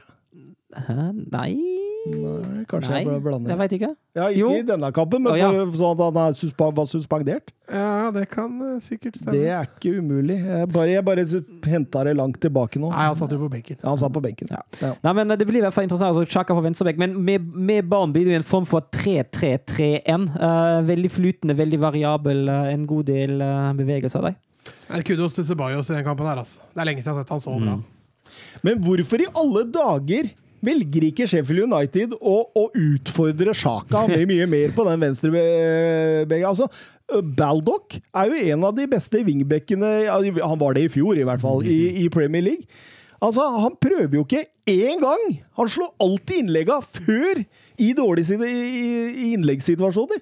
Altså, ta av Sjaka! da. Han var jo ute av posisjon flere ganger på venstrebekken sin. Ja, men det var han ikke bare når Arsenal ikke hadde ball. Han var ute av posisjon også når Arsenal hadde ball. Ja, ja. Så du så at han eh, det, Jeg hørte kommentatoren sa han har spilt en del venstreback før, men det så ikke sånn ut. Det så som han- ikke sånn han ut, hadde spilt så mye venstreback. Altså. Det gjorde ikke det, men samtidig, altså altså, alle slår jo Sheffield United. Ja, det er jo nettopp Og. Arsenal har- spilte ikke en sånn forferdelig god kamp. Altså, de har det 1-0-målet som er en drøm av en scoring. Ja, det, Eh, det, er, det er Barca. Ja, der går det virkelig på ett og to-touch og fine bevegelser, samtidige bevegelser, og de, de, treff, Hælflik de treffer på det meste der, altså.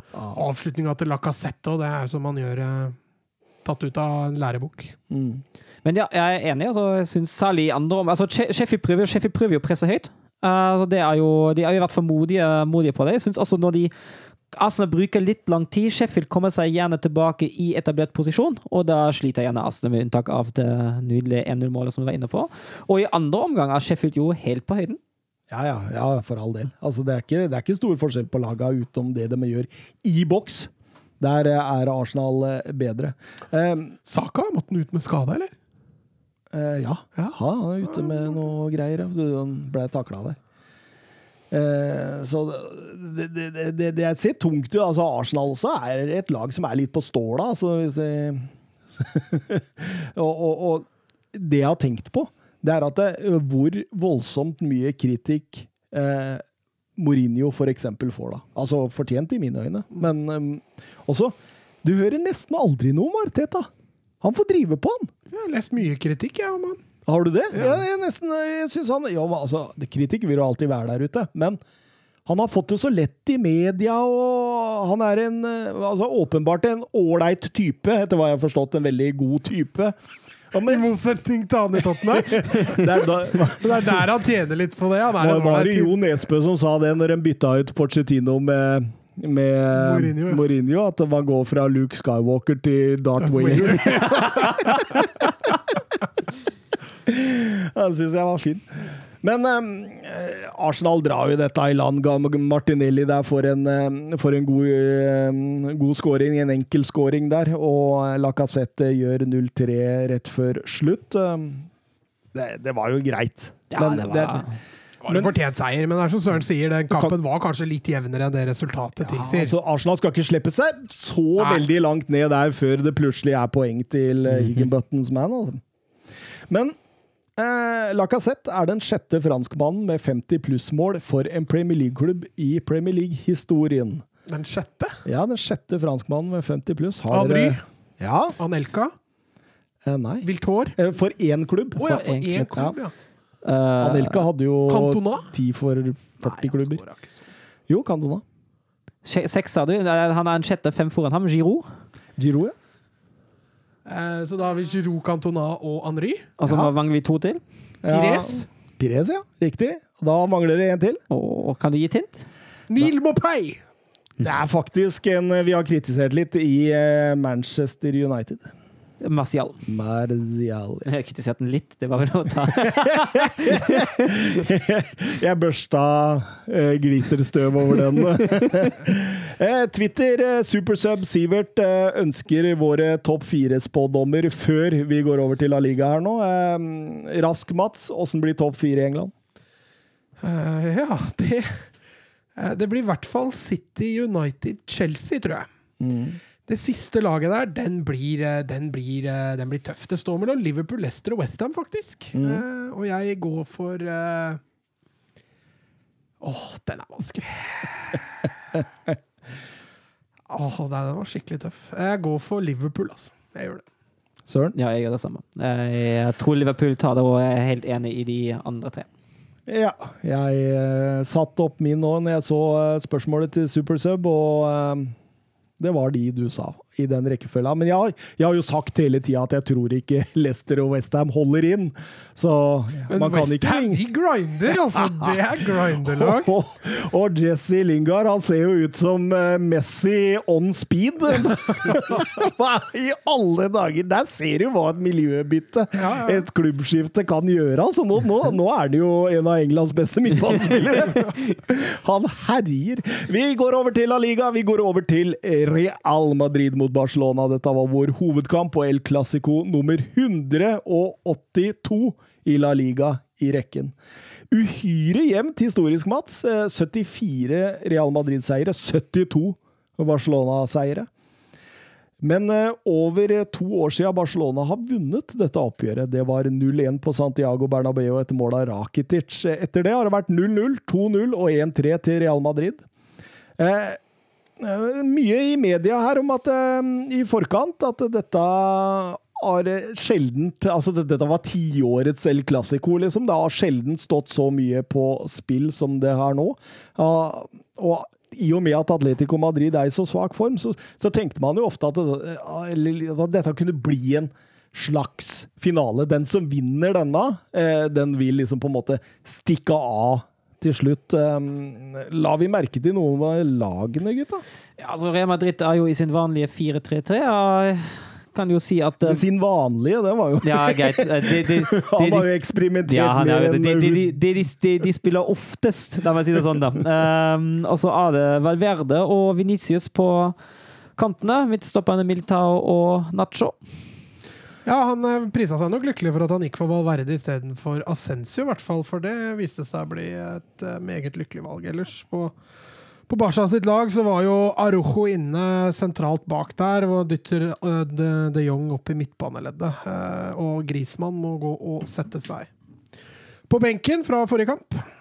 Hva tenkte du om lagoppstillinga når du så den? Nei, jeg tenkte den var egentlig helt grei. De Jong bak der hadde gitt litt bedre resultater i frispillinga, men eh, Real Madrid pressa ikke Barca sånn ofte sånn veldig høyt, så den blei liksom ikke satt ordentlig på prøve der. Så jeg, da var det egentlig et greit valg.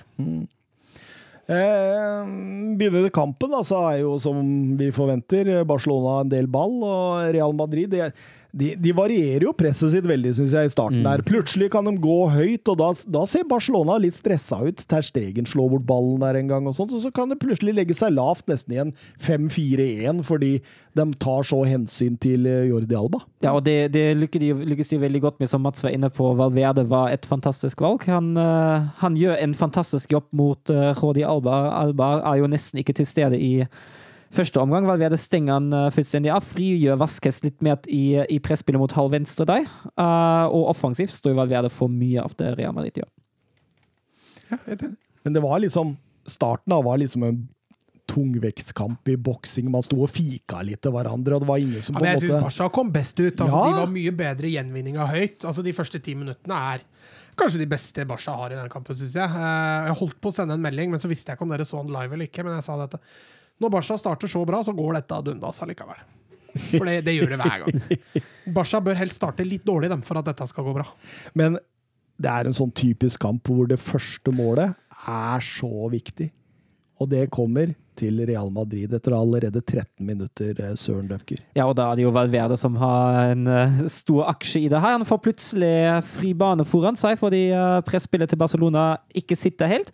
Alba havner litt sånn eh, mellom, mellom Valverde og Vaskes. Han havner ikke der. Han Nei. tar det valget ja, han tar det valget. Og så bestemmer han seg for å støte på Valverde og bare eh, Selge seg som ignorere Vaskes i tillegg. Ja, Selge seg mot Valverde. Den prisen han solgte seg for der, det var billig, altså. Altså Så repebanen kan ikke sammenligne.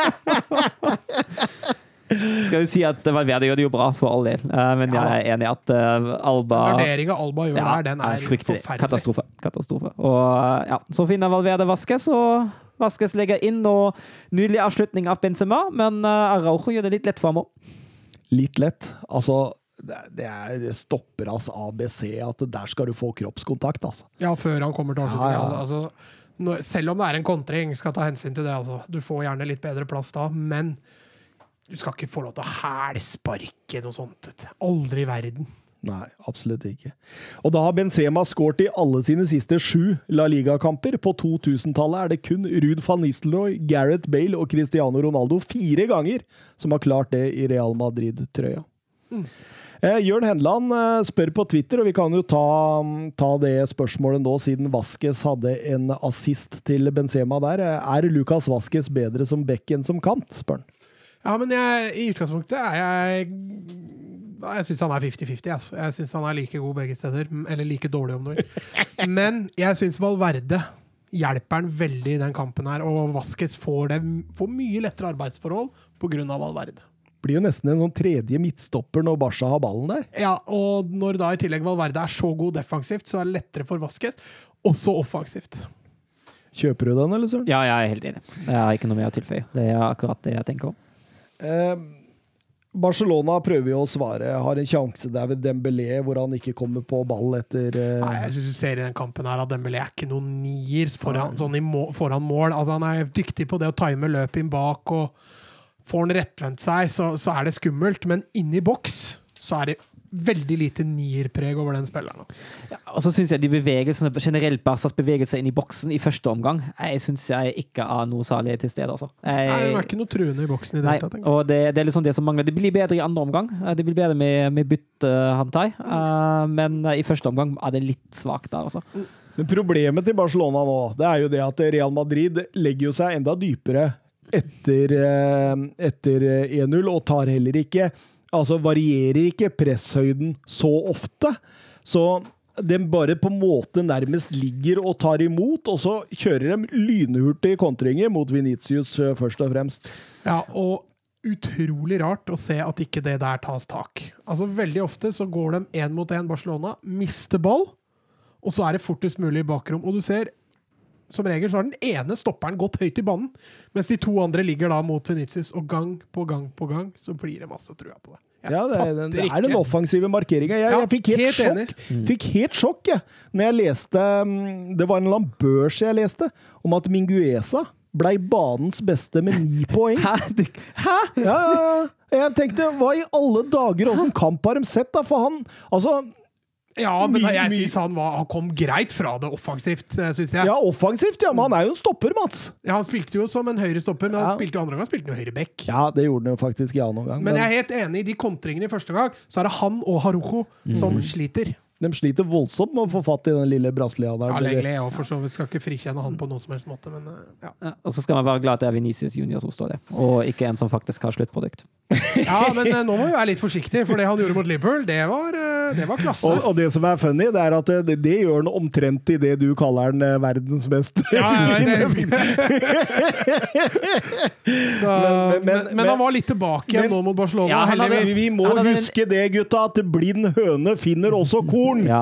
Det skjer iblant. Han hadde jo den ene, den ene som han gjør bra mot Valverde, der Valverde setter han i stolpen. Men altså, Sal- Sali i andre omgang tenker herregud, hva, altså, så mange kontringer som Venicius Junior ødelegger her for Real Madrid, det er jo ikke mulig. Ja, men det er kontringer de ikke hadde fått hvis ikke han var på banen. Jo, så jeg tenker jo at eh, eh, Litt av vinninga går selvfølgelig opp i spinninga her, men uh, hvem andre skal de bruke i det kontringsspillet der, hvis de Nei. ikke bruker Venitius? da? Si det. Så da må de jo spille mer etablert, da, hvis de ikke skal og jeg, jeg skjønner godt han bruker den Venitius, for det er som Thomas sier, da. Til slutt, på sjanse nummer 77, så sitter han. Slipper hun løs mange nok ganger, Ja. så kommer det til slutt å, å, å snuble inn et eller annet. Ikke sant? Men, men uansett, da. eh, Det blir 2-0, og det er et direkte frispark av Tony Cross. Ja, han går vel innom to Barca-spillere der. Terstegen er ute av spill. Litt svakt igjen av Alba, som ikke greier å få den eh, vekk. Eh, men han også får veldig dårlig tid til å reagere der. Mm. Men når du først skal ha en mann på streken, da. Og frisparket kommer jo av følge av at Venitius har fått uh, løpet, og Arojo kommer for seint inn uh, på kanten av 16-meteren der. Ja. Um, så får Real Madrid en enorm dobbeltsjanse etter 34 minutter. Det er den du refererte Ja, det er den jeg refererer med Valverde, som eh, setter han da hadde Barca en mulighet før det, hadde de ikke? For det var en ny kontring. Ja, Mhm. stemmer. Det var kontring, da. Og så er det jo returen som uh, tester egen redd, da. Ja, det er klasse. Fy faen! Der var jeg sikker på det var mål, ass! Når Vasquez kommer inn der og skyter, men eh, Ter Stegen kaster seg tilbake. Og da må Lukas Vaskes ut, Ja. eh, og du og Sola Duesola inn. Og eh, fikk en smell i duell da med Busquets der. Ja, litt sånn, jeg syns Vaskes var fin de minuttene han var på banen. Han var frisk, men igjen, altså, Odriozola, som har fått så mye pøppel denne sesongen, kommer veldig bra fra det. Igjen kan vi trekke fram Valverde. Altså. Mm. Han uh, tipper jeg starter i morgen mot uh, Det er ganske sikkert at Ja, han får en Mané Salah-jobb Ja, helt der. riktig. Jeg får litt samme som han fikk med Alba der. Eh, skal vi ta med at Messi prøvde å skru inn en corner der? Det var jo et eh, stangskudd. Altså. Han var jo rimelig nære der å få det til. For tre meter høye Courtois som ikke når opp til det der. Godt forsøk. Kunne vi kalt det en keepertabbe hvis den hadde gått stolpe inn, eller? At en keeper slipper direkte inn på dørmannen, må vi vel kunne kalle en keeper. Uansett, liksom! Ja, da, skal du, da må den Bare virkelig Bare feilberegner vet du. Så. Så har jo Messi altså en god sjanse etter en ny corner igjen, da. Ja, stemmer, stemmer. Så, Jeg leste etter at det var liksom noen type mål Messi fortsatt ikke har scora. Og da var direkte mål på corner et av de. Så han prøvde dere! Han trenger å eliminere et par av de. ja, hvis dere husker han Marcel Schäfer, som jeg nevnte, han har klart det. Og han legendespilleren Han i Wolfsburg, ja. Ja, men Stig Inge Bjørneby gjorde landskamp ja. mot San Marino, tror jeg, på Ullevål. Ja. Eh, Synd ikke det var en quiz-spørsmål. da hadde jeg tatt den. Da hadde du tatt den. Var Måtte, dumt å måtte du nevne. Nå begynner du å komme i form igjen. Eh, Barcelona gjør et bytte i pausen, og et formasjonsbytte, Mats. Ja, de måtte gå vekk fra den trebekslinja.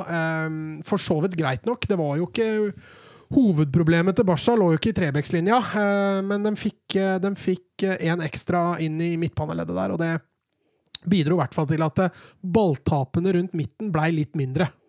Eh, litt færre. Eh, og det, det kommer de helt klart best ut fra. Mingesa går ut på høyrebekk, og Arojo Lenglet eh, tar stoppeplassen. Test går vel ut, og Grismann kommer vel inn, så de får en da treer framme istedenfor en toer. Blei begivenheten litt for stor for godeste Dest, eller? Jeg syns han eh, sliter litt i de kampene generelt. Jeg syns han eh, faller gjennom i flere av de kampene.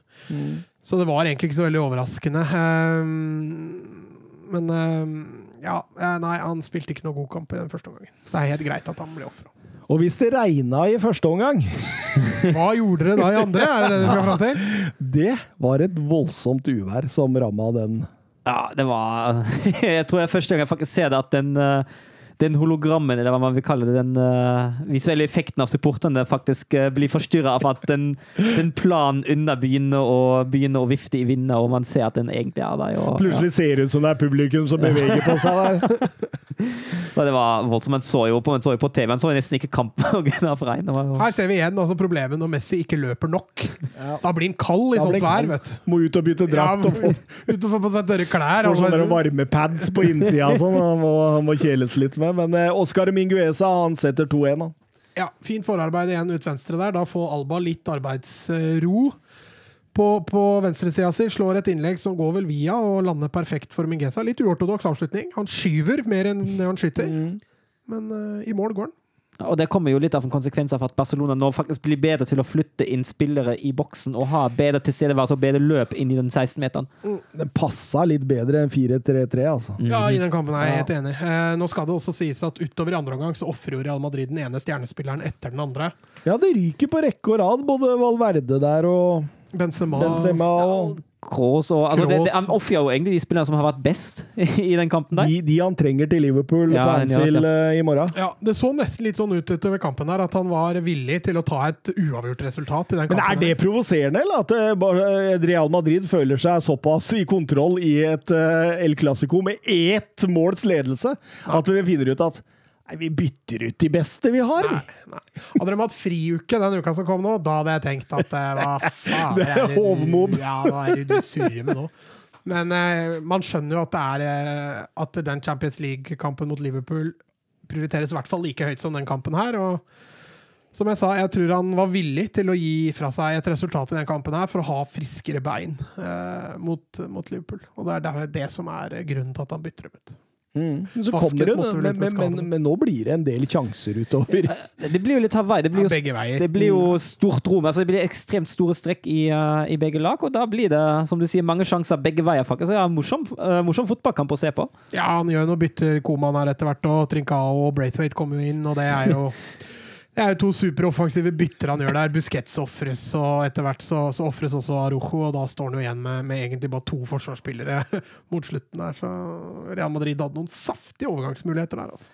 Artig den der når, eh, når Kroos er utafor. Den der uh, Ja. headinga til, til Venitius rett i værs.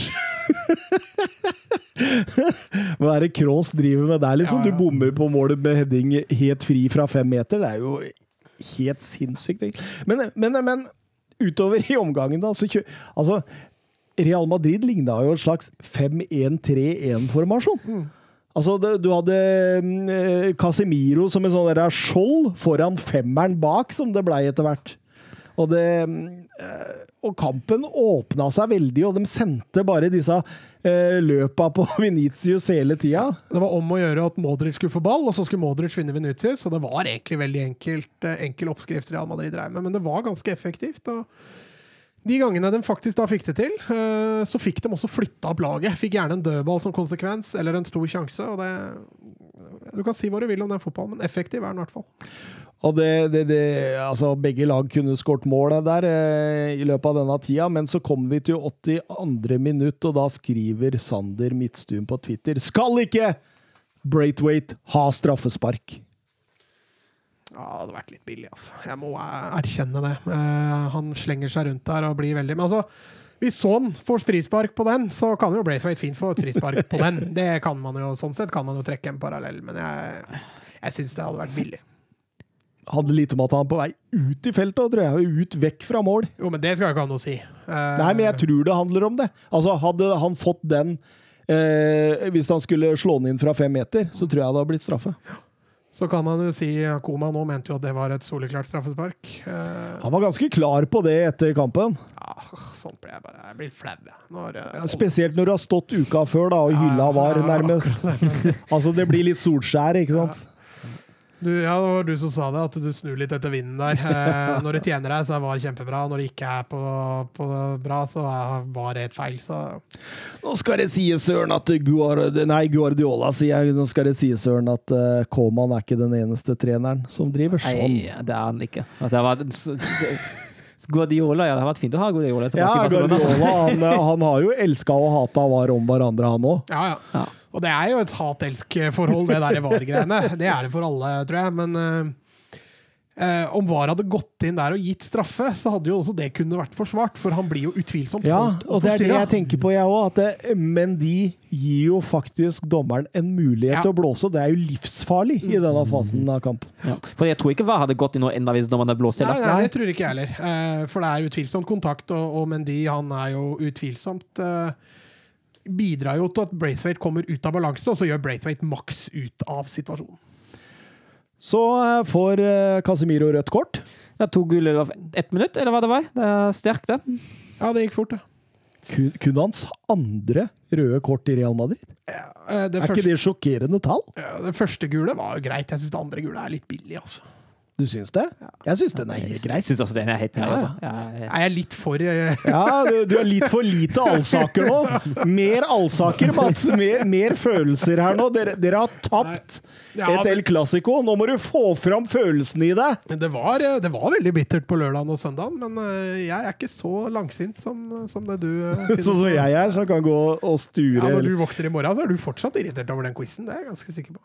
Nei, det er jeg ikke. Ikke i morgen. Men du er fortsatt irritert over United-kampen mot Ja, eh, ja det, er, det, er, det er der du har den. Det er der du har den.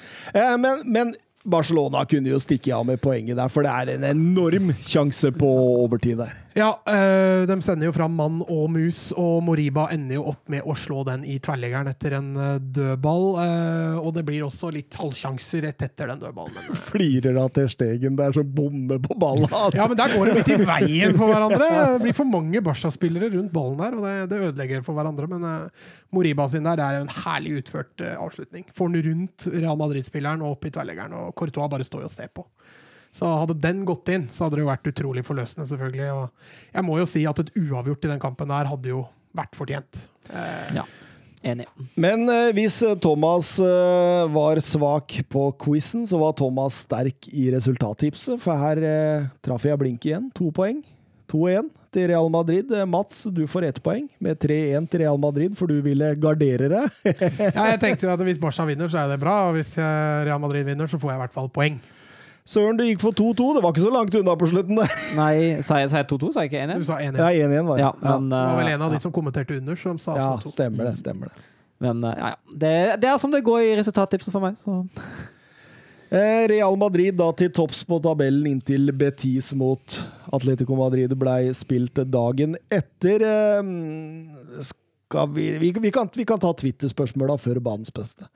Alex Andreball, hva synes Mats om ny kontrakt på Osman Dembélé? Ja, få det på, sier jeg bare. Eh, Jeg synes han ser nå eh, strålende ut, eh, tidvis. da. Han har jo, var ikke noe sånn veldig god mot Real Madrid, men Skadefri! skadefri, ja. Det er jo det som er greia.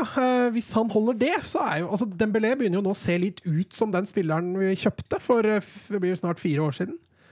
Har det det, gått så lang tid?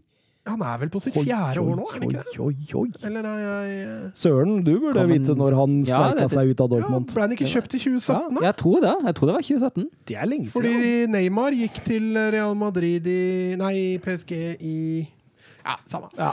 Eh, men altså, det har altså snart gått fire år på å få han skadefri. Og det, det er jo selvfølgelig surt. Men hvis vi nå greier å holde han skadefri Det har tatt fire år på å få han skadefri, og når du gjør det, så selger du. Jo, jo, men hvis han ikke vil signere, så må vi jo selge nå. Fotballens hotspits. vet du. Eh, men det han viser nå, da, det er jo litt den spilleren vi ønska. Mm. så får vi se. Jeg mener jo fortsatt Barca må prioritere 4-3-3-formasjonen. Blås litt i den der Trebekslinja. Eh, ja, vi får se. Jeg snakka litt om med dere også nå at jeg, Koman han har gjort veldig mye bra, men han sliter med de viktige kampene. Han har ikke vunnet en eneste av de viktige kampene. Kanskje den beste kampen han har vunnet, er borte mot Juventus i Champions League.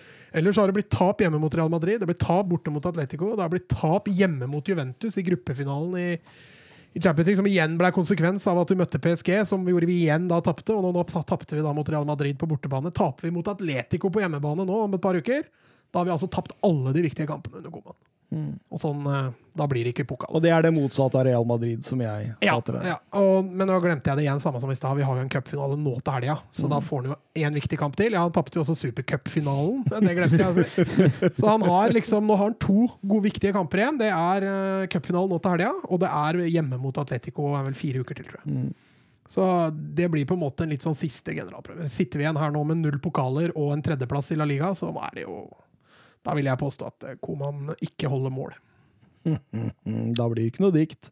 Nei, Didrik Tofte Nilsen på Twitter, La Liga Locca, nevnte at denne um, denne El Clásico kunne minne om El Clásicoene mellom Mourinho og Guardiola. Deler dere synet på det? Ja, ikke helt fullt så stygt, da. Men uh, jeg, jeg, jeg, Litt mer fredelig for seg? ja, ja, intensiteten. Og litt mot slutten, da òg. Når Casemiro blir, eh, blir utvist, kjefter litt på Koman, og det blir litt, eh, litt irritasjoner. Ja, men så tenker de jo det også på at uh, Guardiola har prøvd å spille, spille, spille, spille, spille, tenker jeg, og at uh, Mourinho ville forsvare seg. Og, og ja, fot, Fotballmessig, ja. Definitivt.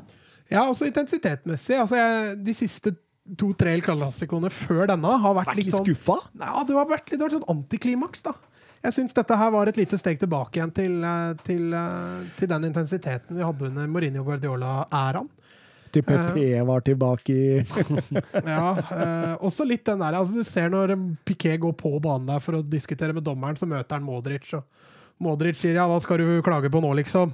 Fire minutter, skriker Piquet tilbake igjen, hvor Modric svarer ja, mye vil du ha, da?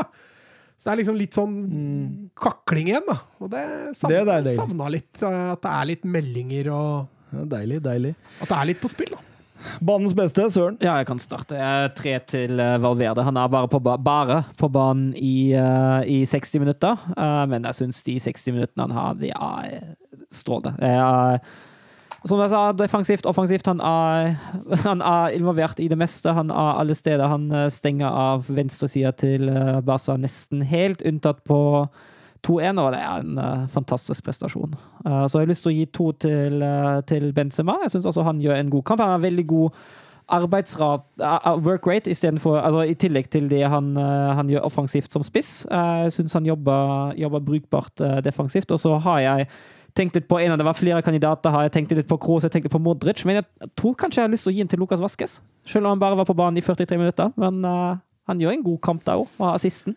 Tre Real Madrid-spillere i et jevnt oppgjør, Mats. Kan du slå den, eller? At jeg får inn fire, mener du? Nei, men at du kan du få inn en Barca? Ja, ja jeg, jeg, gjør- jeg får Ja, ikke, Nei, nei, er du gæren? Du kjører ikke inn. Ikke, ikke slå om fysisk. Nei, nei, nei. nei, nei.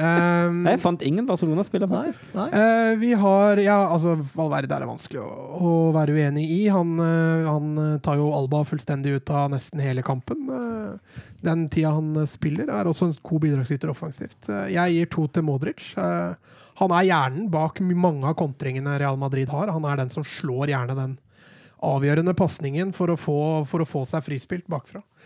Så gir jeg et poeng jeg, til Mingesa. Jeg syns han, eh, han er veldig livlig offensivt. Kommer fra sitt aller første El Clásico på en meget positiv måte. Sleit litt i første omgang med, med Venitius. Men eh, bortsett fra det, han er i mine øyne i hvert fall den beste Barca-spilleren. Men jeg kunne fort ha tatt inn en Benzema eller en Venitius eller en Cross eller en eh, Nacho. For den saks skyld. Nå skal dere høre. Nå kommer fasiten. Jeg har tre på Tony Gross. Eh, jobben han gjør. Ja, det er så mektig imponert over hvordan han styrer sjappa, både defensivt og offensivt, i, i Real Madrid. Han eh, skårer mål, han eh, gestikulerer, eh, er en leder utpå der som, som virkelig Altså, jeg, jeg ble mektig imponert over Tony Cross i denne kampen. Eh, Valverde hadde han vært 90 ut, så hadde han nok vært foran. Men derfor får han to poeng av meg.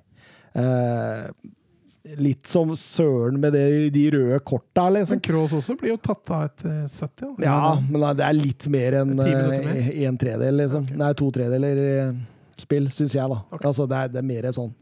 Hadde han fått rødt kort, da Da hadde han vært inne, på tre poeng. det er nesten sånn at jeg vurderte Casemiro. Så Casemiro. Er eh, klink tre. Nei, så, så, så veit jeg ikke om jeg f- fikk et illebefinnende eller hva jeg gjør her, fordi på ett poeng så står det Oscar Minguesa eller Clement Langley. Kan, Ja. du, kan du oppklare min Altså, Langley sliter jeg med å forstå. Minguesa Mingesa kan jeg absolutt uh, forstå. Ja, men med den offensive markeringa han hadde, liksom, hva er det jeg tenker med der? Jeg, jeg må jo ha sett noe bra. Ja, men altså, jeg syns Mingesa kom greit. Altså, du må huske på det at Selv om han offra bomma ofte i den offensive markeringa, så var det han som løp opp igjen. Vinicius ofte og stoppa han. For Så han er den eneste bak der med skikkelig fart. Ja, Rojo også har bra fart, men han lå Ja, enda verre feilplassert. Går litt seinere i første meter. Ja, det gjør jeg. Akselerasjonen er dårligere. Men jeg syns Mingesa ofte løp opp kontringene til Real Madrid. Ikke hver gang, men eh, ofte. Og så er han jo en, eh, kanskje den beste defensive der, med de fleste offensive involveringene. Men det er akkurat sånn når jeg har gått gjennom kampen nå, så er jeg ikke enig med det jeg har skrevet etter kampen. Og det er, litt, det er første gang jeg har opplevd, liksom. Det er veldig rart. For jeg tror jeg kanskje ville hatt Valverde på tre. Sånn egentlig, sånn når jeg tenker etter. Og så ville jeg hatt uh, Kroos på to. Og så lurer jeg på kanskje om jeg ville snike med Modric også, faktisk. Men jeg, jeg veit ikke. Altså. Det, det var et eller annet tror jeg, som tilsa at jeg må ha noe Barcelona der òg, for jeg syns kampen var jevn. Ja, jeg er enig i at kampen var jevn, men altså, jeg syns fortsatt at uh, de tre beste Real Madrid-spillere, og kanskje til og med de fire-fem beste Real Madrid-spillere, var bedre enn uh, en Barcelonas tre-fire-fem beste. Nå, Altså. altså. nå, nå får du slå den. Nei, vi, får le vi kan uh, sette ut en stillingsannonse, for vi må ha en ny tredjemann. Real Betis mot Atletico Madrid. Eh, Gikk ut med fyr og flamme der, tok 0-1, og så var det stopp, egentlig. På Atletico, ja. Ja. ja. ja. Nei, Betis fikk jo taktpinnen. eh, Atletico booka og taka for taktpinnen i de fem minutta, så ga de den tilbake igjen til Betis. Og da styrte de showet derfra og i hvert fall til godt ut i andre omgang. Absolutt. Jeg syns, uh, syns Fin skåring, da. Ja. Kjempeskåring av Atletico. Ja, absolutt. absolutt. Carasco der. Og, uh, godt samarbeid med Felix og Correja. Det, det, det er klart det at uh, Correja blir jo takla, og ball, eller ballen går i han, som, så, og da er Claudio Bravo helt ute av spill. Og den skuddfinta han har der. Ja. Den er, den er fin, men han, han kunne også bare Tappa han inn. Tappa han inn, ja. Det, det, det er bare for å Få vekk han Ja, siste ja det, var- det var kaldt- nydelig. kaldt ja, ja. Og Carasco var egentlig den eneste i Atletico Madrid jeg lot meg imponere av i denne kampen, men det var flere Ja, altså, jeg syns work-raten til Ankel Korea er strålende. Ja. Han løper og kriger og jobber. Men det, Men det det, mangler det. så mye der det er litt altså. sluttproduktmangel der, det er jeg helt enig i. Men han får jo mye mer oppmerksomhet i den kampen enn hva han ville gjort hvis du hadde hatt en Suárez eller en annen spiss. da. For Korea er jo ikke noe spiss. Det ser man. Men da, da faller eh, Real Madrid tilbake i ramma si rett etter 0-1 der, og så tar Betis fullstendig over, og det er en fin scoring på 1-1 fra Christian Theo. Absolutt herlig frispilling på venstresida der, hvor de broderer seg gjennom. Innlegget går gjennom hele Atletico-feltet. Atletico sover egentlig litt. Jeg syns de eh, markerer svakt og ligger feilplassert i boksen der, og Theo får eh, Altså, jeg vil ikke si Målet er jo ikke ferdig skåra, på ingen måte. Det, er- det er deilig, Det er volley innside inn. Ja, og så helt borti hjørnet. Altså, Oblak er sjanseløs.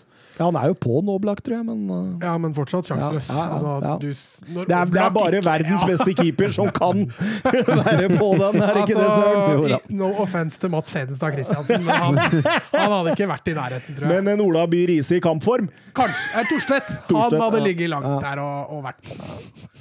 eller en Søren Døpker, Søren. Aldri i livet. Du hadde ligget og sprella i nettet, du da? Ja. Hadde ikke vært inne, jeg har ikke sett skuddet komme engang. Jeg har veldig lyst til å se Dørn Søren Dørn. Døren Søpker?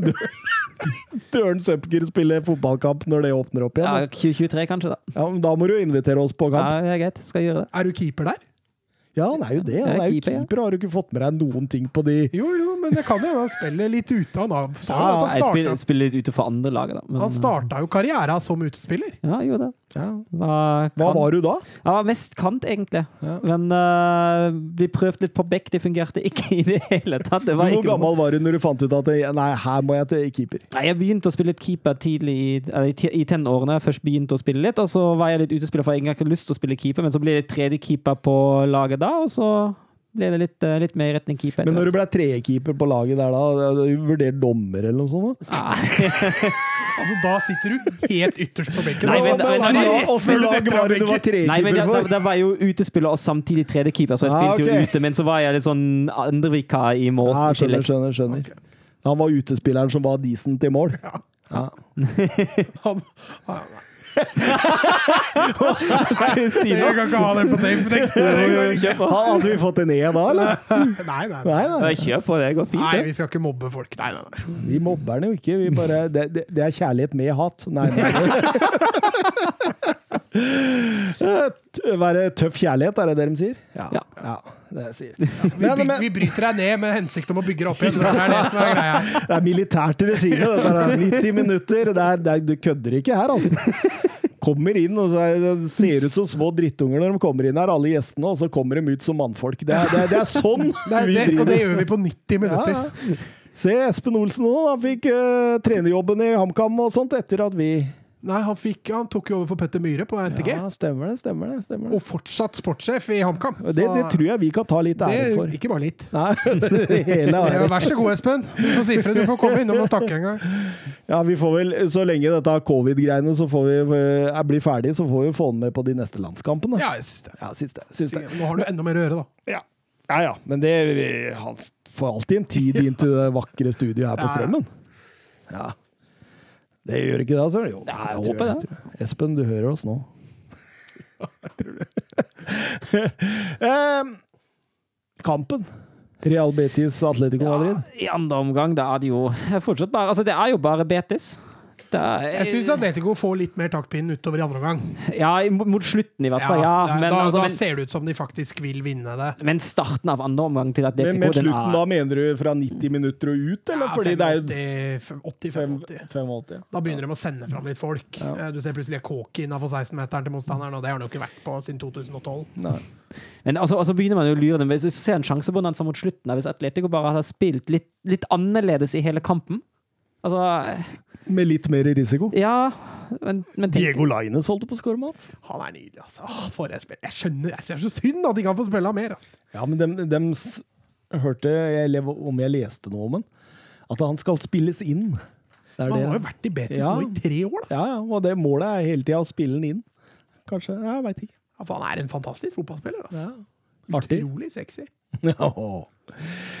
Men det blir 1-1, det gjør det. Og eh, Atletico Madrid har kun fire seire på de siste elleve kampene. Og setter man opp et tabell fra 1. februar, er de nummer fem. Altså utenfor Champions League-plass. Så så Ja, de får nå igjen for den jobben som ble gjort før, eh, før jul, kan vi vel kanskje si. De har jo allerede sikra topp fire, det er ikke noe skummelt. Men eh, det begynner nå virkelig å spøke for, for seriegull. Over til Celta Vigo mot Sevilla, som ble spilt i går kveld. Og for en morsom kamp, hadde. Ja, i hvert fall det vi fikk se, da. Ja, nå er det mål, sa de med svarte TV-skjermer her. Ja. Men uh, jeg er helt enig. Det var en, uh, var en fantastisk, uh, fantastisk morsom fotballkamp i, i begge omganger, faktisk. Eh, ikke noe som eh, Måtte klippe deg litt i armen og tenke hva er det Sevilla jeg ser på her nå? For dette bølga jo fryktelig. Når Sevilla gikk opp til 1-0 der, så tenkte jeg fader òg. Ja, Det var- det var kampen den kampen. Ja. Men uh, Celta Vigo de straffa Sevilla på, på en måte som jeg tror Lopetegi er svært misfornøyd med. Sevilla blir jo tatt i ubalanse litt for ofte. Gang på gang på gang. Og, og den 2-1-skåringa som vi ikke fikk se direkte, den er jo nesten sjokkerende. Ja, Ja. jeg er helt enig. Altså, Den blir jo tatt i, nesten i undertall på etter en dødball. Skal jo nesten ikke være mulig for dette Sevilla-laget, og de utfører jo den kontringen til eh, Ja, kan jo framheve Suárez. Ja, jeg syns Suárez hadde en stålende kamp, i hvert fall i første Ja, omgang på, på midten der. Altså det, det han spiller i første omgang, det er fantastisk. De strålende, har en litt småsexy midtbane der, Celta Vigo, altså med Brais Mendes og, og eh, Nolito og Dennis Suárez. Med Tapia bak der, som er en Thomas Edvardsen in the making. Åh. Eh, og da godeste Aspas der framme til å Nei, det er et litt småsexy lag, det der Celta Vigo. Altså. Santimina som kan ta duellen, og Aspas som løper rundt. Og, Aspas men, har litt kreativiteten nå, vet du. Han kan servere litt, og han. men nå står det helt stille for meg igjen. Hva heter han treneren? Eh, Kodé. Kodé. Han virker jo som han har en del eh, gode poenger når han eh, setter sammen dette eh, Celta Vigo. Ja, altså jeg måtte jo, altså når han kom, så måtte jeg inn og lese litt om han, for jeg hadde jo ikke hørt om han før. Han, han hadde jo leda Independiente i, i eh, Brasil til ganske mye suksess. Så at han skulle ende opp i Europa, var kanskje ikke noe overraskende for noen som har jobba der nede, men han har også gjort en strålende jobb etter at han kom til Celta Vigo og tok dem fra nedrykkskamp til eh, øvre halvdel på relativt kort tid. altså.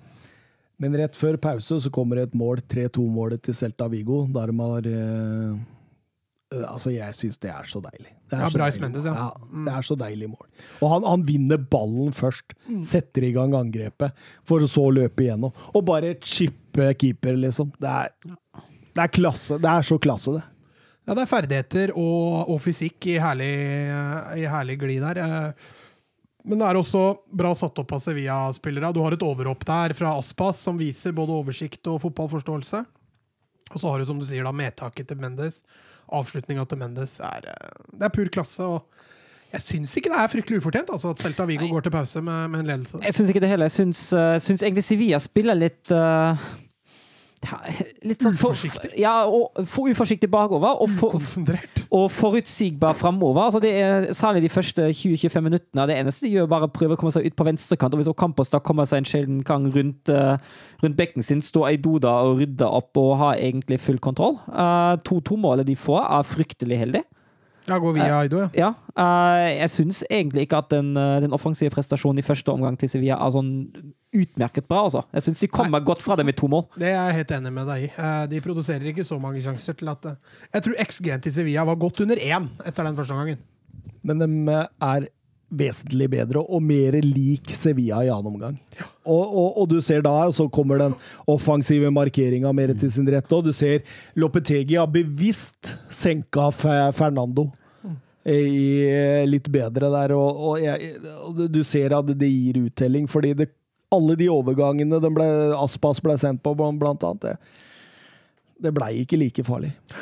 Nei, jeg er eh, helt enig med deg. Sevilla har bedre kontroll på kampen. Eh, samtidig så må de jo ta litt risiko, for de ligger under. Og en seier her vil jo sende dem faktisk opp igjen i Jeg vil si tittelkampen, jeg, men eh, jeg, Ja, men jeg, La oss kalle det det, for det er ekstra gøy med fire lag i Ja, det tittelkampen. er riktignok seks poeng opp til Atletico, hvis ikke jeg husker helt feil. Men, eh, men de har i hvert fall alt å vinne og gå for seieren der. Allikevel gjør det på en veldig kontrollert måte. Eh, Celta har vel én feit sjanse i andre omgang. Bortsett fra det, så, så syns jeg Sevilla ser mer ut som Sevilla, som du sier. Ja, absolutt. Rakitic sitter 3-3 der, og, og Aspas har jo en enorm sjanse etterpå der. Oi, oi, oi, Aspas, den der, der skal du sette, og da Det Aspas ikke gjør, det gjør Papo Gomez når han kommer inn. god hjelp fra Aido. Da, Ja, er veldig, en- veldig synd. Jeg syns fram til det punktet hadde Aido en stående kamp. Mm. Uh, litt, jeg var jo heldig på 2-2, da går ballen via, men det er ikke noe for, men det da var en gedigen tabbe. Ja, han feilberegneren skulle ta med seg ballen forbi Gomez, og Gomez snapper den. og Er det litt dårlig keeperspill òg, eller? For jeg syns han går så tidlig ned der. Ja, litt, altså. Jeg syns det. Jeg er Også, Enig. det er ikke sånn at ballen går helt oppunder tverrleggeren. Det er jo Men, men. Gomez får eh, fra langskudd der eh, satt en langskudd fra 16 meter i mål, og 4-3. Seks poeng bak eh, Atletico Madrid med åtte runder igjen. Seks poeng mellom første- og fjerdeplass. Det, det, altså, la oss si at de er inne der òg, bare for moroa skyld. For nå, nå Altså, det skal ikke mer til enn en Sevilla-seier nå og et par tap oppi der, så smetter de forbi. Ja, men jeg er litt redd for Sevilla. Det har vært altfor ustabilt. Nå skal det sies at de har starta bra etter landslagspausen nå. To strake, to strake seire. Uh, mot Atletico og Celta Vigo borte. Så dette det er sterkt. Så får vi se hvor lenge de greier å holde. Nå har de ikke noe Europa å tenke på. Det er kun Real Madrid av de fire lagene som, som har det å ta hensyn til. Så får vi se om de andre lagene greier å utnytte det. Men eh, litt om Lopetegi òg. Det var hans hundrende kamp som boss i eh, Sevilla. Han har 60 seire, 21 uavgjort og 19 tap. Han har 157, 87 i målforskjell. Det ble fjerdeplass i sesong. Tittelkamp i år, hvis vi kan kalle det det. Og Europa League-tittel i sist sesong. Nei, kan vi kalle det for vellykket, da. Det er, eh, det er voldsomt bra, Mats. Mm, helt enig. Um, de eh, burde jo i mine øyne, altså den supercupen som er i Spania, eh, der burde jo i mine øyne de fire beste lagene i, La Liga spille, da. For eh, det ender jo opp med nå at Bilbao skal jo inn der neste år også, Ja. pga. at de spiller cupfinale. Og da går nok Sevilla glipp av den muligheten til å vinne en, et trofé der, for det er et trofé Lopetegi fint kunne vunnet. Ja. Men jeg er helt enig med deg. Jeg syns han har vært en dundrende suksess. Å vinne La Liga hvis du ikke heter Barca eller Real Madrid, det er nesten uoverkommelig. ja. Sånn at eh, det å sikre laget to Champions League-plasser på rad og stikke av gårde med et trofé i Europa League, syns jeg er kjempe Det er vanvittig bra. Det er de fire store i La Liga nå. Ja, jeg synes det begynner å. Men du ser også avstanden ned. Blir Ja. bare større og større. Nå skal det sies at Viareal kunne fort ha vært litt høyere hvis de ikke hadde vært i Europa League. For Viareal begynner jo å bli en liten outsider til å faktisk kunne hamle opp med det siste slutt der. Men de gikk jo på en ny blemme nå, så de, de er nok eh, sikra fjerdeplassen, i hvert fall Sevilla. Good evening, sier han da. Good evening. eh, vi går over til Bundesliga. Bayern München mot Union Berlin. Og Hansi Flick kan gjøre hele seks bytter på laget som tapte 2-3 mot Paris Saint-Germain i midtuka.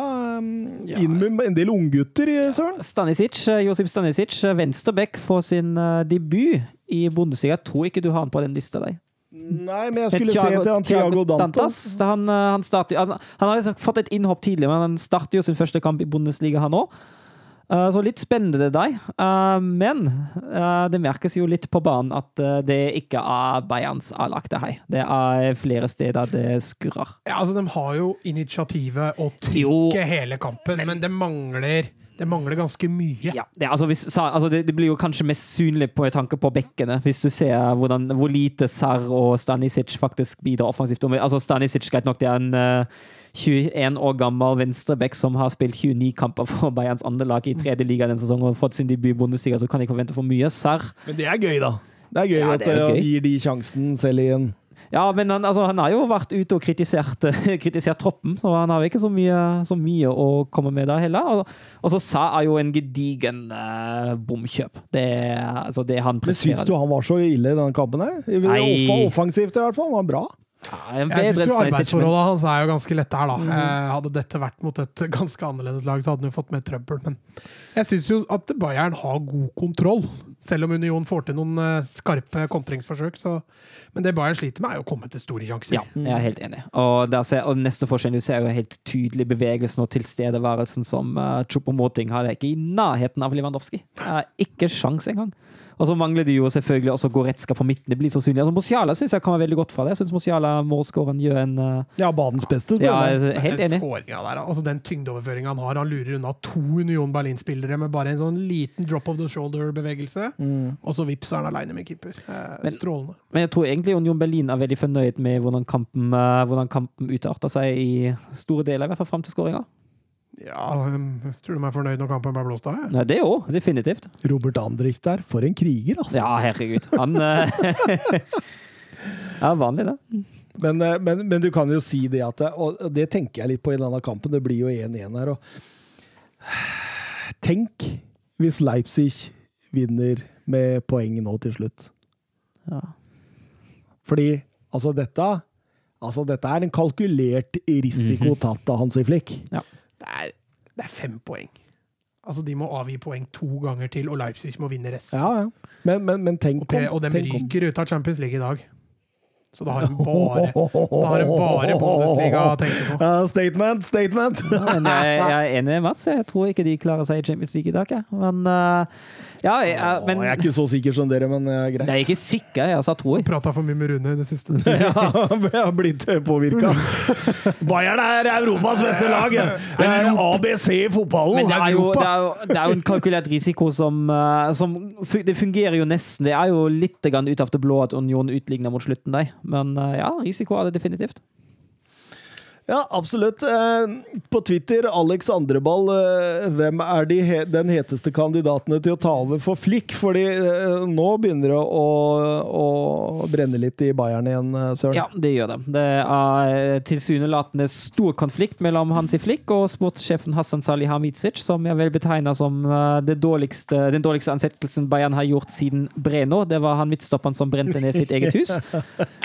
Um, og altså Det går vel, går vel en del på spillerlogistikk. Flik Flick er ikke fornøyd med det han får. Han, eh, han hadde vel mest lyst på Timo Werner. Eh, Flick sa du får ikke Werner Havertz og Sané, du får Sané. Og det var ikke Flick helt fornøyd med. Så ville Flick gjerne ha andre spillere enn de han da til slutt fikk. Han ville vel ha Sergino Dest, da var Barca mer på, og så endte han opp med Sarr. Og så var han ikke fornøyd med Costa heller, og han var ikke fornøyd med bredden. Han var ikke fornøyd med kvaliteten til Sett under ett i toppen. Men han Eh, fikk på mot ting. ja. Så der bør han jaggu være fornøyd, ass. Søren er så seriøst, og så kommer vi med sånne useriøse ting. 90 minutter i et nøtteskall, sånn er det! Men bare fortsett. så. Nei, og jeg, altså, jeg skjønner jo Flick, men så blir han jo altså, Skal vel ha, ha bedt Salih Salihamidzic på en ganske sånn oppsøkende måte å holde kjeft uh, nylig her om dagen, og krangla vel skikkelig. og virker som at kun én av dem får fortsette, og det virker nesten som at det er Flick som da At han forsvinner til landslaget, er kanskje den mest elegante løsningen for alle, men hvis jeg hadde vært Bayern, hadde jeg heller beholdt Flick enn Salihamidzic. Brasso, brasso! Hold den i kjeft! Hold den i kjeft! Nei, jeg, jeg, ser ikke, jeg syns ikke at uh, Salihamidzic bidrar noe særlig. Altså, tenk forrige sommeren, så har han, uh, har han hele sommeren etter Champions League-finalen til å handle inn uh, litt bredde, og så henter han tre, fire, fem spillere på Fire var det vel, på siste dagen på 5. oktober etter å ha hatt hele sommeren, og så er det Chupomoting, Sær, Råka og Douglas Costa som dukker opp, og ingen av de er egentlig særlig til hjelp. Altså, jeg skjønner Flikk litt. Ja. Jeg har forståelse for det. Men eh, hvem tar over, i så fall? Den, opp, den, eh, den mest nærliggende kandidaten er jo egentlig Julian Nagelsmann. Det er jo den beste det beste alternativet de har. Jeg spørs om eh, Leipzig slipper han. Eh, hvis Leipzig ikke skulle slippe Nagelsmann, da er det et vanskelig spørsmål å se for seg hvem som tar over Bayern. Det er Jeg foreslo Sabi Alonso i chatten, ja, det ser ut som at han har fornya kontrakten sin med Sociedad. men den hadde Bayern klart å løse ut. Ja, men, men altså, er, det, er steget for stort å gå fra Sociedads andre lag til Bayern München? Da du, er det blir sånn, litt- nesten Ja, litt sånn men hva, gjorde, hva gjorde Flick, da? Ja, men han var jo assistenten i hvert fall i landslaget. Ja. Ja, ja, jo. Hva gjorde Guardiola? ja hva gjorde Guardiola? Ja, men det er litt med annet. Altså, han har du intern i klubben, han kjenner du litt bedre. Uh, altså, man kan godt være overbevist om at eh, Xabi Alonso er en fantastisk uh, fotballfagmann, men uh, det blir noe annet. Det blir en stor risiko for Bayern hvis, han, hvis de ser ham på avstand og ikke følger med på det dagligdagse arbeidet. Pirlo er jo snart ledig, tenker jeg. Solskjær. Nei, han er ikke snart ledig. Mourinho er snart ledig. Mourinho i Bayern, da. Å, Det hadde vært gøy å snakke med Rune etter det. Nei, men eh, Fotballens ABC! det blir spennende. Jeg holder, så offensivt fotball. jeg holder fortsatt en knapp på Nagelsmann, ja. Ja. ja, men det er ikke feil. Jeg, jeg, jeg tror kanskje RB Leipzig er interessert å få Nagelsmann ut, hvis han skal vekk. Ut av Tyskland. Ja, det kan jeg se for meg òg. Så jeg tror liksom, Nå har de tatt opp Americano, liksom, og så skal de dra av gårde med treneren òg. Jeg tror, tror den sitter hardt inne i et pengesterkt uh, Red Bull-ownership, altså. Ja. Vi går over til Frankfurt mot Wolfsburg, Søren Døpke. Ja, uff. Eh, skikkelig gøy kamp for alle som ikke holder med Wolfsburg. Ja, men, men, men nå har du sittet og snakka om seier på seier på seier på seier her, så nå må du tåle et tap òg. Det må jeg faktisk, det er helt greit. Og jeg syns jo ikke Wolfsburg gjør seg bort. Eh, jeg syns Wolfsburg i først, hele første omgang egentlig er det klart beste laget. Jeg er enig med deg, jeg. Jeg syns Wolfsburg er best, jeg. Har du blitt en annen person nå, eller? Snakka med annet kroppsspråk og annen stemme. Jeg skal være positiv for Søren, da. For du ser jo, han er jo nedfor og lei seg. Ja, veldig. Han smiler jo som en sol. Han må ha splitta personlighet i så fall. Altså. Det er som Mourinho, vet du. Han er bare glad vi kan prate om noe annet. Åssen går det, Søren? Går det bra? Nei, ja, det er fint, ja. Unga får mat. Unga? Unga til Solskjær får jo ikke mat. Nei, nei ikke, ikke hvis de filmer som Sony. Men, men, men eh, unga til Søren de kommer til å leve under Søren sitt uh, liv. A4 A4-ark. Ja, ja. Så der, der, Ja. der er det oppskrift fra altså, Ikke kortbukse når det regner. Og matboksen, det skal være gulost. Og, og eh, alltid en frukt med. Ja, ja. Ja, En av de fem. Og så skoleveien, da. Ja, den Rød, rød mann og den er samme hver dag. Ja, ja. Du får ikke lov å gå noen omveier De får sannsynligvis sånn klokke, sånn at de må melde fra til den når de ankommer. Han tar, tida. Oi, oi, oi. Og, og, når, når de blir tenåringer og skal ut og feste og sånn, der døpker han som står utafor huset og følger med. Til og med han som krasjer festen med politi. Sånn, da var vi ferdig med Wolfsburg.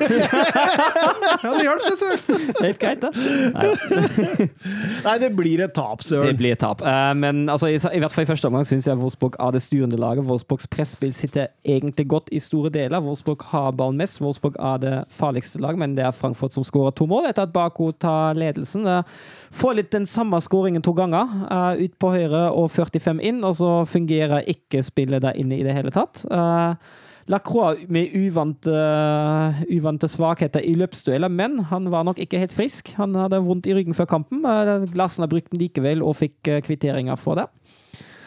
Vår utligner Wolfsburg eh, kjapt etter pausen, men eh, Frankfurt er fryktelig effektive den dagen. Spiller jo gnistrende god fotball offensivt når, de først får lov, og de får lov eh, i dag av Wolfsburg, og da sitter det to til i kassa. og etter 4-3, etter, at- eh, nei, etter 4-2, etter at Frankfurt uh, skåra 4-2 eh, For da er det fortsatt en halvtime igjen. Fortsatt en halvtime igjen, men da syns jeg altså Frankfurt begynner å bli veldig bra.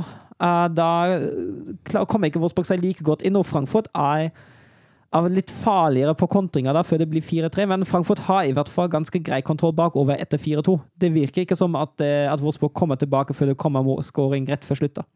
Ja, og den skåringa der, den kunne ikke Vigårds gjort bedre enn den. sånn. nydelig nydelig sjølmål av Tata. Heter han Tata? Jeg heter Tata. For det står Tuta. Nei, Tota, ja. Ja, han heter, ja. Så, Tuta? jeg heter Tota, selvfølgelig. Den Tota. Ja, Herregud. Tota. Jeg heter Ta, ta, ta, Tota. Herregud. Å, nå tok vi den på navn! Ja, det, det er, det er første gang! Oi, oi, oi. Oi, oi, oi! Tota, ja. Ja, nei, men eh, Dette kommer til å plage ham! Ja. Du ser det allerede nå. Og så når vi slår her, så kommer det 'Unnskyld for at jeg sa Tata'. Nei, men, eh, Sorry, ass. Siste han sier, han legger seg på chatten i, i kveld. Beklager altså, gutta. Nei, men eh, Nydelig satt. Herlig ball av uh, Pongratic, og man begynner Altså jeg syns jo Glasner gjør eh, gjør en veldig god jobb sett under etter Wolfsburg, men det er innimellom den spillerlogistikken og valg av spillerne har tatt. Men jeg lurer litt hvordan den kampen hadde blitt om han hadde starta Pongracic og ikke en halvskada Lacroix i den kampen. Jeg lurer på om det kanskje hadde blitt bedre stabilitet bakover. For jeg føler at det er litt sånn da det svikter på løpsduellene til Lacroix, som man egentlig har kontroll på. Men eh, Søren Døpker, eh, hvis jeg sier at Frankfurt har et motsatt Tottenham-syndrom, skjønner du hva jeg tenker på da? Motsatt Tottenham-syndrom. At de, eh, de blir offensive og skårer Nei, de, nei, de skårer alltid i andre omgang, og Ja. vinner, vinner kamper i andre omgang istedenfor Frankfurt får poeng etter å ha ligget under for tolvte gang denne sesongen. Ehm, må tilbake til 69-70 for å finne lignende tall i Frankfurt. Ja, det er sterkt, det, altså. Eh, Glenn Weber spør på Twitter, Søren. Hva tenker dere om Adi Hytter til Gladbach? For det ble vel eh, Bekreft. offentliggjort i dag. Bekrefta i dag, ja. Og, og det er jo et godt valg for Mönchenglattbach, tenker jeg. For det er jo en trener som er ganske lik i spillestilen til Marco Rosa. Eh, Jeg tenker jo at det er en trener som kan, eh, kan videreføre det Rosa har gjort i Mönchenglattbach, så man trenger ikke å finne seg nye spillertyper eh, og bygge opp eh, på nytt. Jeg syns det er litt fascinerende at uh, Mönchenglattbach-supporterne gikk ut uh, mot Rosa, eller ikke alle, men noen gikk ut mot Rosa, og han var en skikkelig, skikkelig forræder og en sviker og skulle komme seg vekk fordi han hadde brukt utkjøpsklausul. Og så hentet de trener på utkjøpsklausul sjøl, så det er nok uh, sikkert noen som møter seg i døra. Hei. Det er litt kjipt da for Hutter at Frankfurt kanskje spiller Champions League neste år. Og så Og så Gladbach spiller jo ingenting. Uh, Conference Week, kanskje? Jeg er Nei, ikke sikkert. Nei, det er ikke sikkert. Det, det er ikke sikkert. Det kan bli tøft. da. Ja, det, det kan jo bli, bli eh, En trolig, trolig holder syvendeplass til Conference League. Ja, Hvem er det som er i cupfinalen? Uh, semifinalen er Bremen mot Leipzig og Dortmund mot Kiel. Altså, det kan bli Bremen mot Kiel i finalen, og Ja, da, er jo, da er det da er ikke er det er ikke syvendeplassen, nei. Men med tanke på hvordan Bremen så ut mot Leipzig eh, på lørdag, Ja, en flytende overgang. Ja. Fortsett der. Da- Bremen-Leipzig. da tenker jeg jo at Leipzig er stor favoritt i den eh, semifinalen i cupen òg. For eh, det er Altså, i hvert fall i første omgang eh, er det jo King of the North. Flatt batteri, altså. Ja, fryktelig. altså.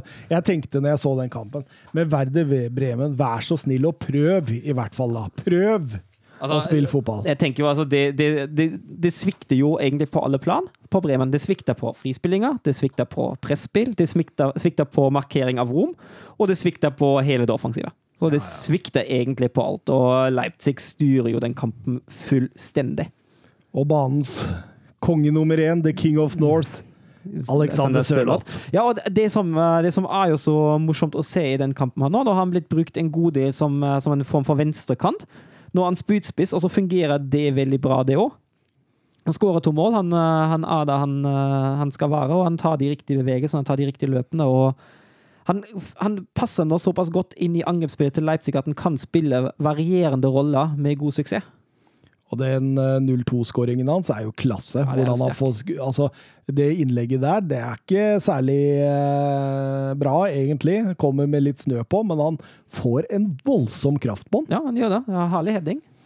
Eh, Glenn Weber på Twitter, noen, king of, noen ord om King of North? Ja, det, Noen ord? sterk, sterk kamp, eh, nydelig prestasjon. Ja, det er vel en av de beste kampene han har prestert. Eh, nå var han vel opp, Det ble det femte målet hans i serien, ble det ikke det? Mm. Yes, og så har han en i Champions League. Ja, Så hele seks mål i år. Altså. Og så tenker jeg det er deilig for han å få dem etter en start, for han har alltid fått dem som en innbytter. Og å få det der super sub eh, Ja, Sivert hadde vært fornøyd, men Ja. å få det stempelet på seg, det er, det, det er ikke noe særlig bra. Men det, altså, det virker nesten som om han har gått forbi Poulsen i hierarkiet nå. Ja, For det er, det- det er han som blir bytta inn først. Det er han som får starte. Nå er Poulsen som nå var Men vel, Julian Nagelsmann er opptatt av spisskompetanse, mm. og den spisskompetansen du finner i uh, Sørloth, den er enda Råere. råere enn det du har i, i Paulsen. Selv om jeg tror fotballspilleren Paulsen kanskje har litt, litt større register. Mm. Jeg er enig. ja, Men altså, de siste kampene han har jo kommet inn før Poulsen. Ja, eh, Werder Bremen gjør et trippelbytte til pausen der. Rasic sa inn, og noe, noe måtte jo skje. Noe måtte skje, og det hjelper jo litt. Altså, nå kan man jo stille spørsmålstegn ved om det er fordi Leipzig tar det litt grann mer med ro, eller fordi Det er nok tripp- det, det er nok det, ja. Ja. Men altså, det, blir jo, det blir jo litt grann bedre. Det ser ikke fullt så stygt ut for Werder Bremen med i andre omgang. Men jeg, jeg får litt sånn uh, Crystal Palace mot uh, Chelsea-vibes over det hele. Det er litt sånn lignende kampforløp, og det er altså, selv om Bremen skårer 3-1, det er sånn aldri i faresone engang. Nei, du, du, du er ikke i nærheten av å tenke at dette blir farlig. Og Sabitzer setter 1-4 mot slutten der. Stuttgart, Dortmund eh, Ja, det ble jo målrikt, dette òg. Det ble det. Uh, skulle jo kanskje ikke trodd det nødvendigvis etter den første omgangen vi fikk. At det blir så målrikt, for den, uh, den begynner jo litt, uh, litt rolig, i hvert fall. Og bare Kalajdzic som skårer, og det blir ikke for en heading! Ja, er. Ja, han har sett på, han har sett på Schultz forrige uke. Ja, jo, jo. Men er, er det loop-heading? Er det en ny Ja, men altså, den ballen kommer så høyt, og Mm. da få den med så bra presisjon og fart inn i lekste altså, Hits er jo ikke i nærheten engang. På tross av at ballen bruker ganske lang tid da, på å nå, nå motsatt kryss. Og det blir bare mye nesten for Dortmund. Ja, det blir det. Det blir, uh, det blir litt sånn det blir Litt sånn uryddig, syns jeg. Eller sånn det riktige ordet. Og det, det er liksom de samme svakhetene vi ser mot, uh, mot etablert forsvar uh, på, en, uh, på en del områder. Det, Stuttgart uh, åpner jo litt for at man kan bruke, uh, bruke rommet bak vingbekken. og Det er sånn der Dortmund prøver seg òg, og det gir jo litt utslag i andre omgang. Absolutt, absolutt. Det blir to raske mål etter pause der. Ja, det er Bellingham og Royce Bellingham som skårer sitt første i Bundesliga. og Det er et genialt overhopp! Så veldig klønete ut, da, men det Ja, var genialt. Ja, men det var fantastisk. Jeg prøvde bare å få opp Ja, ja, for- for- nisselue på ja, ja. For Haaland Det er ikke så mye positivt rundt han nå, så vi må bare få med det som er, da. Vi må bare kline på. Genialt overhopp av Erling Braut Haaland. Ja, genialt overhopp, definitivt. Nei, men Royce skårer skårer for første gang på ja, vel over 1000 minutter han hadde uten skåring. Og, ja, I hvert fall i Altså, han har det verre enn Haaland, faktisk, han da. Ja, han hadde det, men han skårer jo Champions League mot City til uka. Ja, det gjorde han faktisk. Ja. Det var to på to! Ja. Men, men, men Stuttgart bytter inn Daniel Davidi, og det, det var uh, fyrverkeri. Så. Ja, de Davi han var i form. Ja, de Davi. Ja, Ja, han, Hva sa jeg? De, de, de, De, de. de, de, de, de var de? Nei. Ja, de var- Davidi, Davidi, tror jeg. de- Davidi. Davidi. da, Davide. Men, men at jeg sier feil med noe navn? Det Ja, er, men det var ingen av oss som arresterte deg på det. Nei, men det er, det er, nei fordi dere er vant til det. Jeg sier jo til og med søren sitt eh, navn feil. Døren. nei, men uh, jeg er helt enig. Altså, Davi bidrar mye med, med det offensive spillet. Han er en, uh, han er en god joker på benken. Han er kreativ. Han, uh, han skaper litt trøbbel for Dortmunds forsvar. Han setter jo altså 2-2. Mm, han gjør det. Men Dortmund har også en joker, Thomas. Fia McNow? Fia McNow? Fia McNow. Ansgar Knau? Ansgar Hadde Knauf. han ikke skåra der, da tror jeg Haaland hadde klikka i vinkel! Ja, for Haaland fikk en assist, han. Ja, han han gjorde fikk det. Han fikk en, men uh, Knauf uh, dribler jo mot uh, ja, tre mann, kan man jo nesten si. Og ja, For Haaland går jo på et nytt løp etter Ja, han gjør av ballen Han gjør det. Han og vil ha han igjen. Og så går Knauf på skuddet isteden. Men, men, men sjekk, sjekk kroppsspråket til Haaland nå, kontra når det går bra. Ja. Er, han viser med hele kroppen hvor misfornøyd han Ja, er med lagkompisene sine. Det. Og det, det er jo ikke helt bra at han gjør heller. det er ikke så voldsomt.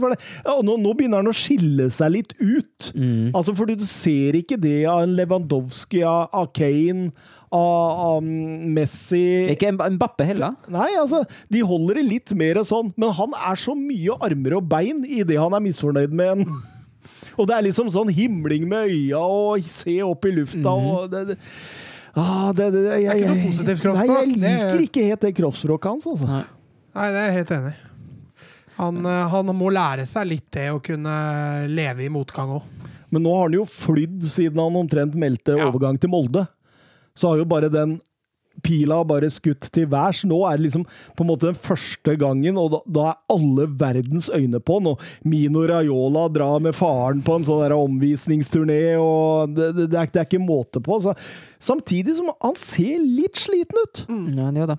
Han eh, har godt av at sesongen går mot slutten, han òg. Samtidig så vil han mye mer enn det han får til akkurat nå. og det det preger han helt klart når, når de ballene som gikk inn, eh, egentlig som du sier, da, de tre siste åra har de ballene gått inn.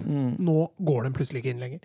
Så han må gjennom den mentale barrieren, han også, som det er mange fotballspillere før han har gjort. Ja, og så kommer han jo ikke til så mange sjanser heller lenger. Det Nei, er jo men det er fordi de løpa Ja, ja. Eh, altså, det, det er sjeldnere løp, syns jeg. Det er mye mer mot enn fra, Mhm. sånn som var veldig mye fra når uh, han var på sitt beste i Dortmund. Var ikke jeg inne på dette før? Jo, jo. Du sa det ganske tidlig, og så fikk, ganske så fikk han en, en eh, oppblomstring igjen, og kampene mot eh, Tyrkia og Nei, mot Sevilla og sånt. Og så Ja. fikk han en oppblomstring, og så har det gått litt ned igjen. ja og så tror jeg altså han, altså, han savner nok litt Sancho nå. Han gjør det. Ja, det tror jeg òg. Det tror jeg også. Ja ja, men det gjør hele Dortmund. Ja, definitivt. Altså, du, du ser jo også den Stuttgart-kampen så greit de skårer tre mål, men altså, de, er, de er fryktelig effektive at de får de, får de første to. Ja, altså det målet til Knauf, da. Det er ikke noe Ja. opplagt sjanse. Nei. Altså XG-en på den er vel 0,10 eller 0,15 eller noe sånt. Ja, noe Det er, sånt, ja. ikke, det er ikke mye. Nei. Eh, sånn at eh, den siste goalen der til Dortmund, går Ja. ikke den inn, så blir dette 2-2. Ja, for den kampen kunne fort ha blitt uavgjort. Ja. Det har vært uh, Erik. Tommy der. Erik Tom. Erik Tom. Han Erik Tom. Ja. Men Vebjørn Fredheim han spør da seks eh, kamper uten scoring for Haaland. Er det grunn til bekymring? Nei, Nei. det er jo ikke det. Ikke karrieremessig, Nei, nei, men nei, ut hadde jeg sesongen, vært- kanskje. Hadde jeg vært Dortmund-fan, så hadde jeg nok bekymra meg litt. Ja. Sånn i forhold til klubben og laget og Champions League og det der, så hadde jeg vært bekymra. ja. Fordi en Haaland i form ville jo nesten aleine skyte Dortmund til Champions League. Men for Haaland sin karriere så tror Mm. jeg ikke dette er noe å bekymre seg for ennå, i hvert fall. Vi går over til Serie A. Vi går over til Parma mot AC Milan. Og eh, det, jeg må bare si det først. Det var ekstremt deilig å se Graziano Pelle igjen. Hæ? Husker han fra Southampton-tida? Ja, og de monstergolla han hadde i Southampton i, eh, i 14-15-sesongen. Det var faktisk Coman som hentet han til eh, England i sin tid, før han dro videre til eh, Kina. Har vært uten klubb en liten periode der, før han ble en sånn nødløsning for Parma nå. Har ett mål på fem kamper før denne kampen, men han, Men Parma er litt sånn pensjonistene. Ja. Altså, du har han der à la Bruno Alves, han Ja. portugisiske stopperen. han har mista plassen nå. Ja, ok. 39 år og mista plassen. Ja, det var på tide. da, med Ja. andre ord. Altså- Eh, så har jo han godeste Gervinho, da. Deilig fotballspiller, det òg. Så hadde jo han eh, godeste Sirkse fra Bayern på lån, men eh, han er ute med skade. Har ikke spilt så mye heller. Han er nok på vei ned. og Bayern har jo attestert ham en, et holdningsproblem. De var ikke fornøyd med holdninga han viste, og det kan jo peke på den samme retninga nå mot Parma. Men starten i denne kampen så fillerister AC Milan eh, Parma. Ja. De fillerister dem. Ja, de gjør det. Og de, altså, de har jo egentlig det klart beste laget i 60 minutter fram til Ibrahimovic blir utvist, men jeg er helt enig i at eh, starten er sterk. 1-0-skåring er deilig, ass. Mm. Er forarbeidet til Rebic som venner og klinkerne mål. Hva blir Zlatan ut... Er det kjeftinger? Jeg må være et eller annet, et eller annet slenger mot dommeren der. Det er ikke på svensk, i hvert fall. Nei, det Jeg tror snart han kan italiensk. Det tror jeg òg. Men jeg tror han kan de stygge orda, faktisk. men Rebic, det er syke tall på Rebic i AC Milan. Fordi altså, han har skåret 17 seriemål for AC Milan.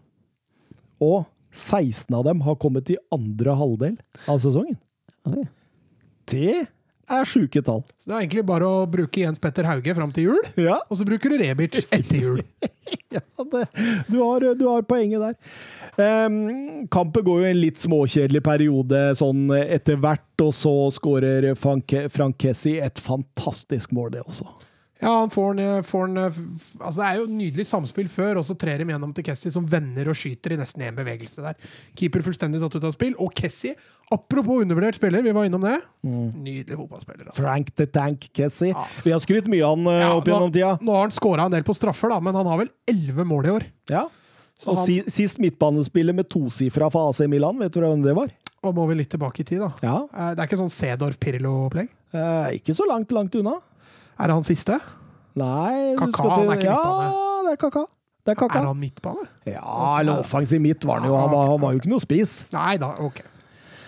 Eh, Men, men det sier jo litt da, om at det liksom, på en måte defensive Frank Kessi nå, nå skal du si seg, som du sier, da, det er jo 80% straffespark, men gøy likevel. Ja, men jeg syns han er eh, Du så det også mot United, eh, hvordan han eh, bidrar offensivt. Mm. Som en defensiv midtbanespiller. Eh, nå skal det jo sies at når han spiller med Benazer, så har han litt mer offensive tøyler. Når han spiller med Tonali, Mm. Ja. da har han litt mer defensivt.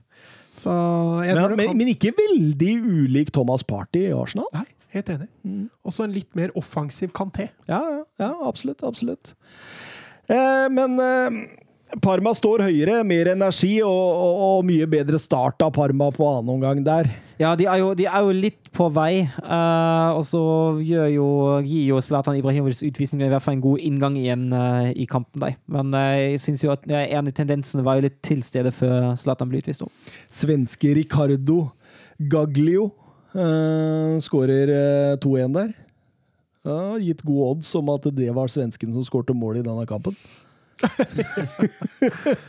Ja, når det først skulle være en svenske som skåra, mener du? Eh, og Parma styrer og de kaster spillere fram i banen. Og Milan blir dypere og dypere, de sliter. Men Tomori, Tomori og Kjær eh, kudos til dem. Ja. Den ene redningen han har der. Ohohoho, Den er så klasse, den! Ja, måten han aggressivt bare kaster seg inn i skuddet på der. Helt det er enormt. Helt rått. Men, men at Parma hadde fortjent uavgjort her? Ja, lett. Ja, lett. et, etter det røde kortet så er de jo fullstendig Milan er Kjører over Milan. Kjører over dem. Men eh, så er det dessverre, da, den yngste spilleren eh, Nei, den første spilleren i Serie A født i 2004, Shaka Traore, som kommer inn for Parma. Som gir bort ballen ganske enkelt, og så kontrer Rafael Leao inn. 1-3 mot slutten der. Ja, litt trist det var han, var det du Ja, mente? ja, ja. Jeg Syns det er liksom når du får din Altså, endelig! Du er 16 år. Født i 2004, søren! 2004! At de er 16 år, det er helt sjokkerende. Ja, ja.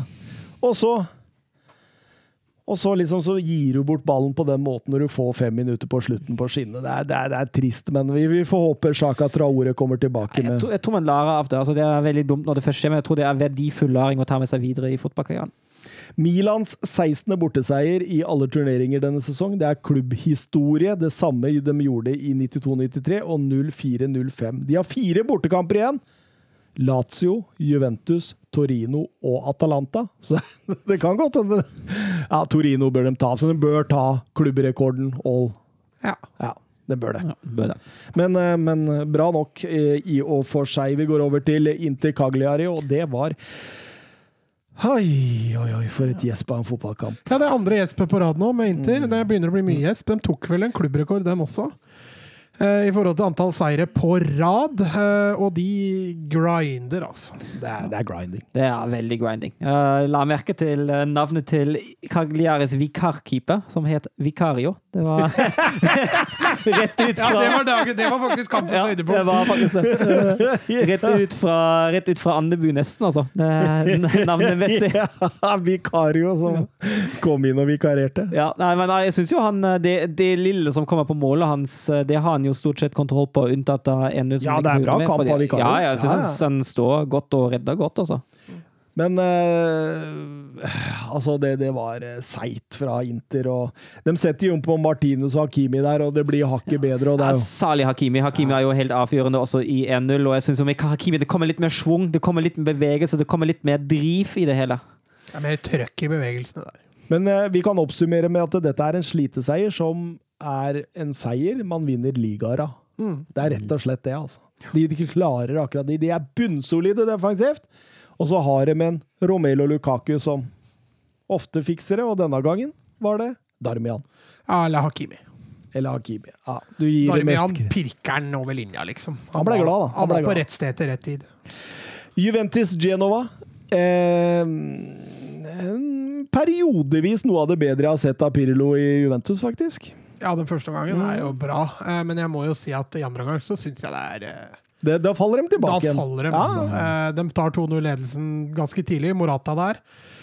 Eh, Etter at Ronaldo hæler den i stanga fra død vinkel. Eh, Og så At det blir en perfekt pasning. Ja. Men etter det så tenker man jo her har Juventus 100% kontroll, og så starter den andre gangen. Eh, Genoa får en scoring på en dødball, og etter det så, så sitter man jo og tenker at når som helst kommer Genoa-målet nå, så blir 2-2. Jeg føler Juventus ikke, har ikke kontroll på dette. altså. Samaka der som tar 2-1 rett etter pause. og Da tenker jeg med de likt. Ja, jeg synes han er så flat, ass! Ja, det er Han sku, altså, når Siste kampen, han skuffa så fælt! Ja, ja. Jeg tenkte, stå opp, da! Kjemp krig! Du bare ligger her, liksom! Altså, vær Ja, så jeg synes han sliter i så mange situasjoner. Falle av, plassering, posisjonering. Altså, han, Men jeg har alltid sett Altså, etter at eh, Joakim Andersen kom til Fulham, og jeg har lagt min elsk på Joakim Andersen, så har jeg tenkt at han er ganske lik spillestilen til de Ligt. Altså, og jeg tenker litt sånn eh, Joakim Andersen er de Ligt i Ajax. Akkurat nå så rangerer jeg f.eks. Joakim Andersen som ti ganger bedre enn de Ligt. Ja, er jeg forstår det veldig godt. Helt uh, Det De Ligt har gjort denne sesongen, er i likhet med Juventus veldig varierende. mm, Absolutt. Men eh, en som kommer fra Bundesliga til Weston McKenny, han eh, Han gjør det nok en gang, han. Ja, han, altså, han har begynt å finne seg ordentlig til rette i Ventus. Men, men, men han kan ikke ha hatt mange mål i Bundesliga. Nei, han står, men han, altså, han spiller jo for Schalke. Jeg selvsagt at ikke noen mål dette. Men, han, eh, 50 Juventus. Han, han, Jo, jo, men det er jo imponerende av en sånn type spiller. han skårer vel Jeg tror han skårer sånn to-tre for Schalke. Mest etter dødballer, selvfølgelig. Det er jo sånn det, jeg mener, Han har skåret en god del etter dødballer nå mot, eh, for Juventus også. Det er jo mest etter corner og, og frispark. Men det tremålet det, det får han jo også ganske tidlig. Det er et godt løp for all day, men det går jo hva tror vi Pirlo han får ikke sparken selv om det ryker nå? Han gjør ikke det, Mats? Er veldig usikker. Ja. Fordi eh, jeg holder fortsatt ikke Juventus som en soleklar de tar Champions League-plass.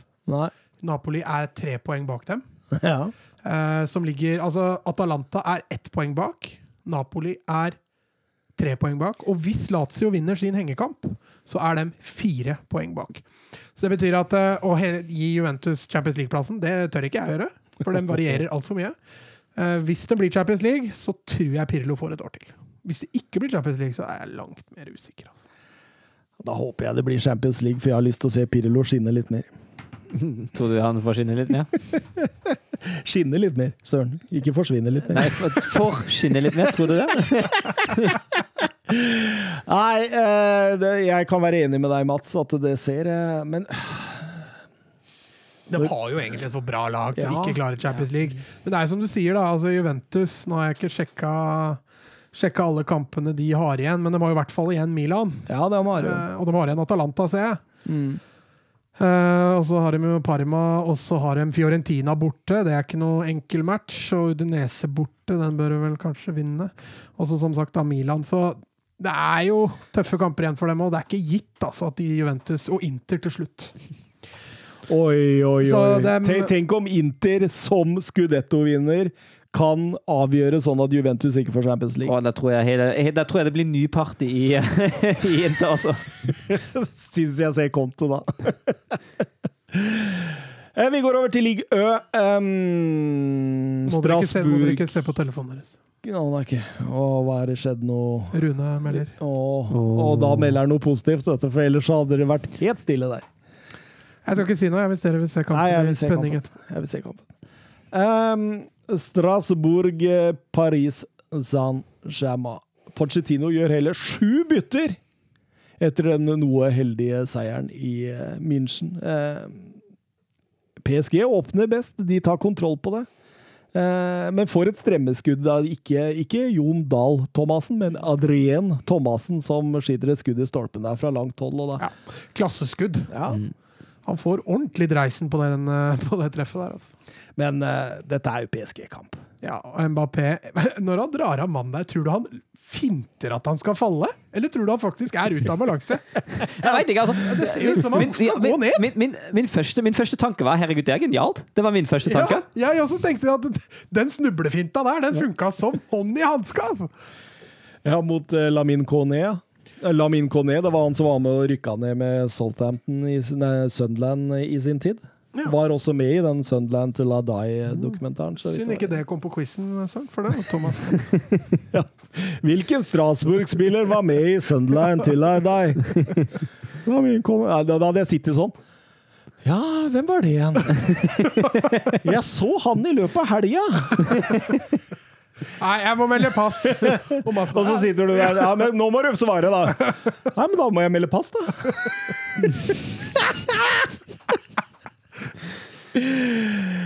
Eh, men eh, Nei, altså, ja, PSG er jo Totalt overlegne. Ja, det er soloklart. Og altså, det er jo kvalitetsforskjell mellom eh, PSGs B-lag og Statsborg er jo eh, voldsom, for å si Kan sånn. du kaller kalle det et B-lag?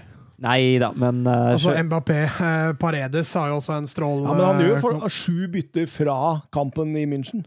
Så det er jo Ja, men det, altså mange av de spillere her hadde gått rett inn på ganske mange Ja, lag. ja. I, Jo, men det, det er jo det som er den, altså den, den bredden i den PSG-troppen, den er bra, altså. Ja da, for all del. Uh, for all del. Så Eh, nedtaket til Ken der når han bommer på den sjansen. Ja.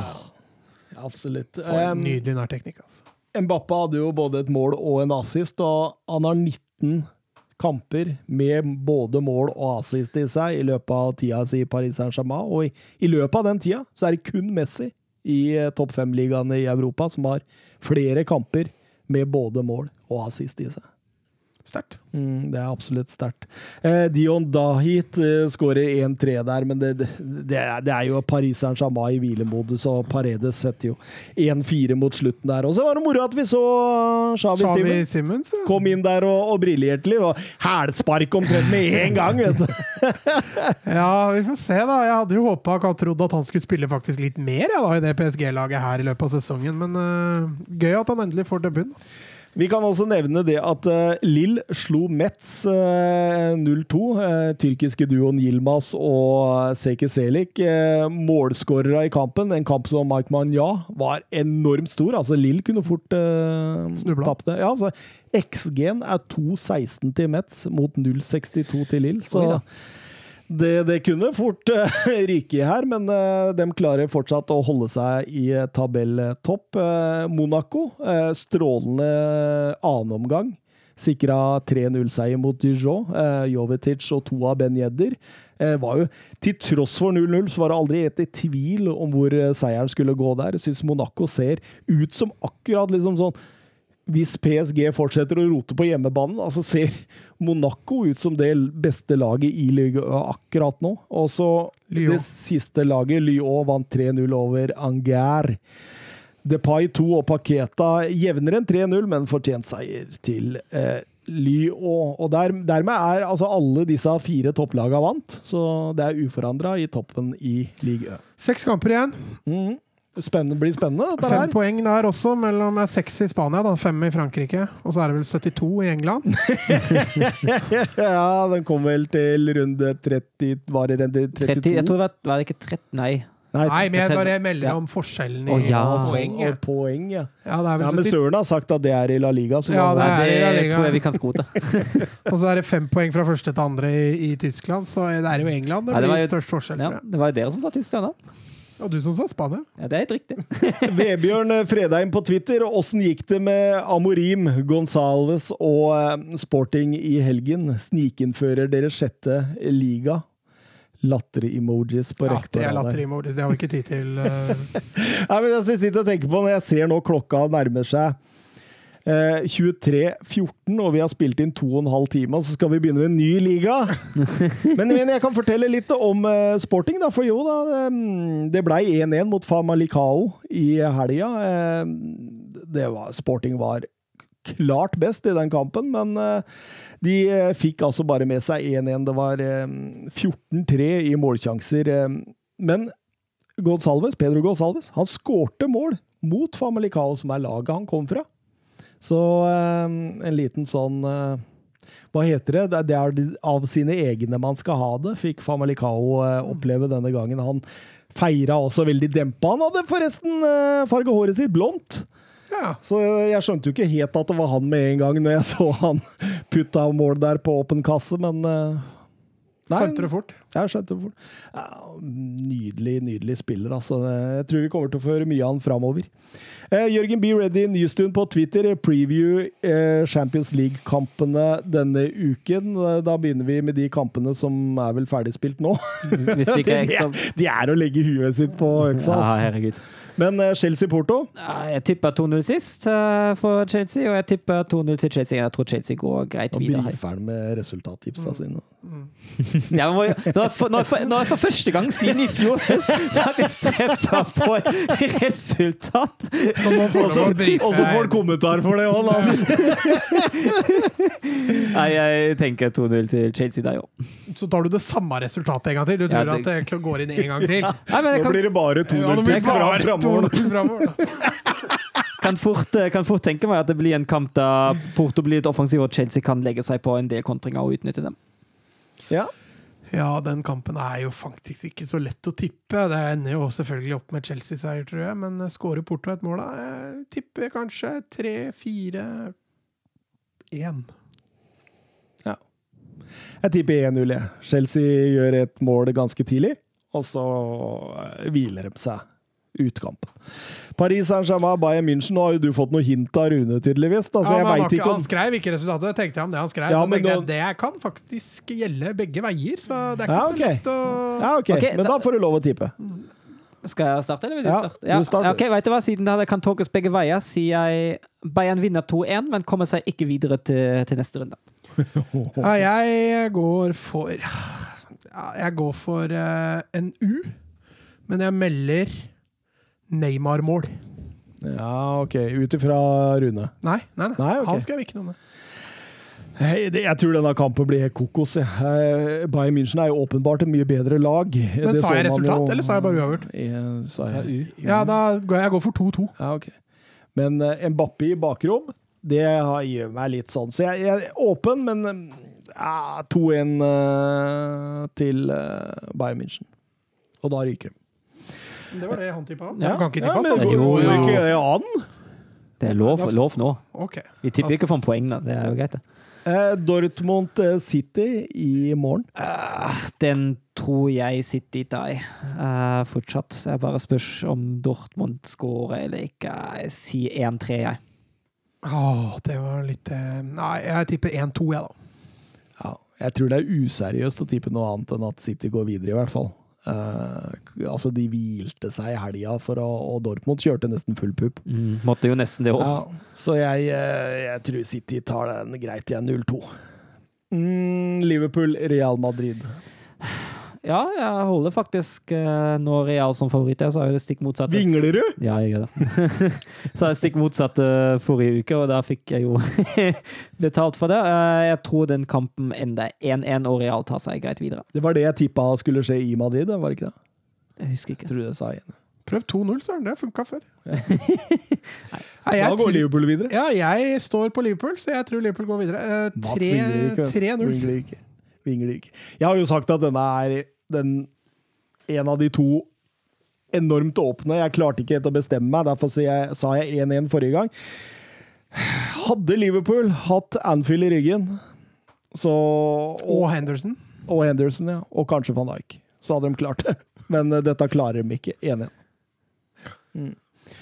Eh, skal vi gå gjennom uh, Eurodraften til slutt, eller? Skal vi gjøre det denne uka når vi har Runes melding, eller skal vi vente til neste uke? Nei, det er jaggu lurt.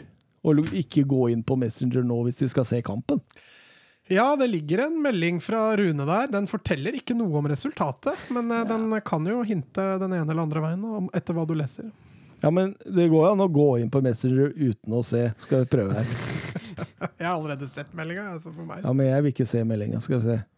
Sånn, og så Det var rett til samboeren, så det Ja, nå fikk jeg Jeg kom meg inn på draften uten å se. Klarer dere det, eller? Ja, ja, ja. ja. Eh, Vi er jo klart å bli ferdig på rekordtid en periode. Var Noen ganger så tenkte jeg hva, hva Søren Dupker, nå, nå imponerer du med fa- fart her Ja, men det, nå hadde jeg jo faktisk lagt en plan på forhånd. Det tok jo lang tid før jeg kom i gang. Og så hadde jeg lagt meg en plan. Jeg hadde lagt meg en pool av spillere hvilke jeg ville ha, i hvilken prioritert rekkefølge på hvilke posisjoner, og koble det opp mot andre. Det var noen situasjoner jeg måtte tenke litt, uavhengig av hva jeg trodde dere skulle ta, men uh... Og for lytterne da, så kjører vi altså et Euro Draft 11. Det vil si at vi fikk lov å velge én spiller fra hvilken som helst land i Europa. ja, som var aktiv på landslaget. Ja. Altså, han kan være skada og sånn. Thomas, men Thomas Müller, som ikke blir, har spilt landskamper siden, uh, siden 20... Ja, ja, nei, han teller jo ikke. Hummels og sånn, får du Ja. ikke tatt. Og de som ikke er fra Europa, får du ikke tatt. Og Det så var en liten bare sånn greie fram mot EM. ja, og så var det da bare én fra hver nasjon. Ja. Ja. Og så fikk jeg lov å starte, og da som sagt, jeg tenkte jeg litt, jeg satte meg faktisk opp en, eh, en plan, gikk litt sånn vitenskapelig til vekst, og så fant jeg ut av at eh, for det første den største sprekken i kvalitet, Uh, fra første til andreplass, og litt sånn, man må jo tenke litt nasjoner, man må jo få inn litt, litt mindre nasjoner her. Vi ble jo enige om at det var sju store nasjoner, Ja, så du måtte da ha inn uh, fire nasjoner Ja. som var litt mindre. og jeg tenkte jeg kunne starte med det, og valgte da Andy Robertson som uh, venstreback, skotsk. Og da ble jeg, må jeg være ærlig og si at jeg blei superoverraska. ble ble overrasket. du det? Ja, ja. Fordi jeg tenkte at uh, dette er en som man hiver seg på etter superspissene. Ok, ja. Så jeg, jeg tenkte oi, jeg fikk Lewandowski! Yes! Og så var det sånn Håper ingen tar Mbappé. Håper ingen tar Mbappé.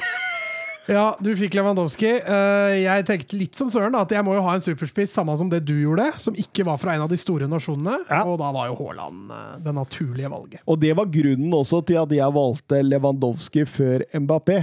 Fordi Lewandowski fra Polen Og det vil jo ikke være Altså, kanskje Stenchny, liksom, men det var da Ja, eller Dragovic, da. Tenkte jeg, eller Dragovic. Han tenkte jeg du kanskje skulle tatt av. Men uh, ja, jeg, på valget mitt sto jo mellom Mbappé og Haaland, men jeg landa på Haaland. Ja, jeg fant uh, flere gode spisser. Og så sto, altså, sto jeg foran et vanskelig valg. Uh, Van Dijk eller Mbappe. Jeg visste veldig godt at den andre sikkert kom til å ryke hvis jeg ikke tok den. Uh, og så fant jeg til slutt ut at jeg har flere franskmenn jeg har lyst på, enn jeg har lyst på nederlendere, så jeg det- tok det tøffe valget og valgte da Virgil van Dijk istedenfor Kylian Mbappe.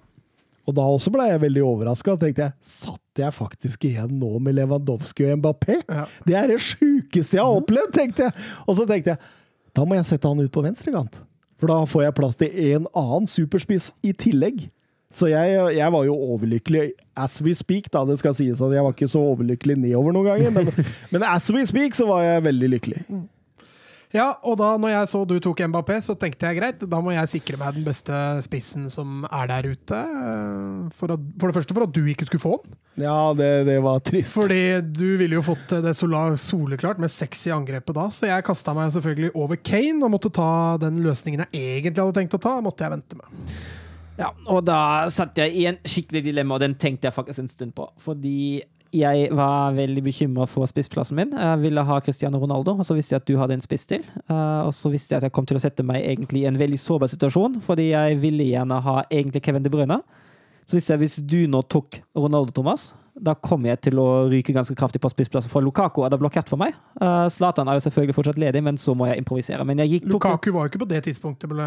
Nei, men hvis jeg tok til Brune nå, og Ja. da hadde jeg jo ikke sjanse til å ta Lukaku mer. Så hvis Thomas kunne ha ødelagt skikkelig for meg ved å ta Ronaldo, eller du for den saks skyld, hvis du hadde satt, den på kant Men jeg måtte ta, jeg måtte ta Kevin De Bruyne. Det endte til slutt med at nei, jeg er ikke forsvarlig å velge noe annet enn Kevin De Bruyne nå. Ja, og da, det, da ble jeg litt trist, faktisk, for det var jo også Altså, jeg hadde en sånn tanke om neste nå da. Fordi da, etter å ha fått Mbappé og Lewandowski, så tenkte jeg at nå regner det griser her. Nå får jeg alt jeg vil ha. Så da var liksom Kane, De Brøne, var de to neste. Så tenkte jeg OK, hvem midtbanespiller sentral er det jeg kan ha inn som er på De Brøne-nivå? Og da øh, gikk jeg for Manchester United sin Bruno Fernandes. Å, jeg ble så glad. Jeg ble så glad da jeg leste Bruno Fernandes. Du aner ikke. Og jeg kunne jo fortsatt tatt Ronaldo. Ja, men For eh, det var han jeg egentlig skulle ta nå, nemlig. Men så forsvant det brødet, og så forsvant Fernandes, så da fikk jeg kalde føtter. Tenkte Der røyk de to beste offensive midtbanespillere i Europa. og tenkte jeg må ha en, en av de beste sentrale nå. Jeg må konsentrere meg om den. Og landa da på Kimmich. Eh, Det positive med det var at han var den jeg mest ville ha fra Tyskland. Mm. Og tenkte greit, da, da siler jeg den. ja, og da måtte jeg bare ta Ronaldo. Det var ikke noe Jeg måtte ha Ronaldo som spiss nå, fordi den, eh, jeg skjønte at den var, på, var i grenseland allerede. Ja, for hadde ikke du tatt den, så hadde jeg tatt den nå. Ja, ikke sant? Eh, men så da tenkte jeg OK, Søren har uh, Virgil van Dijk.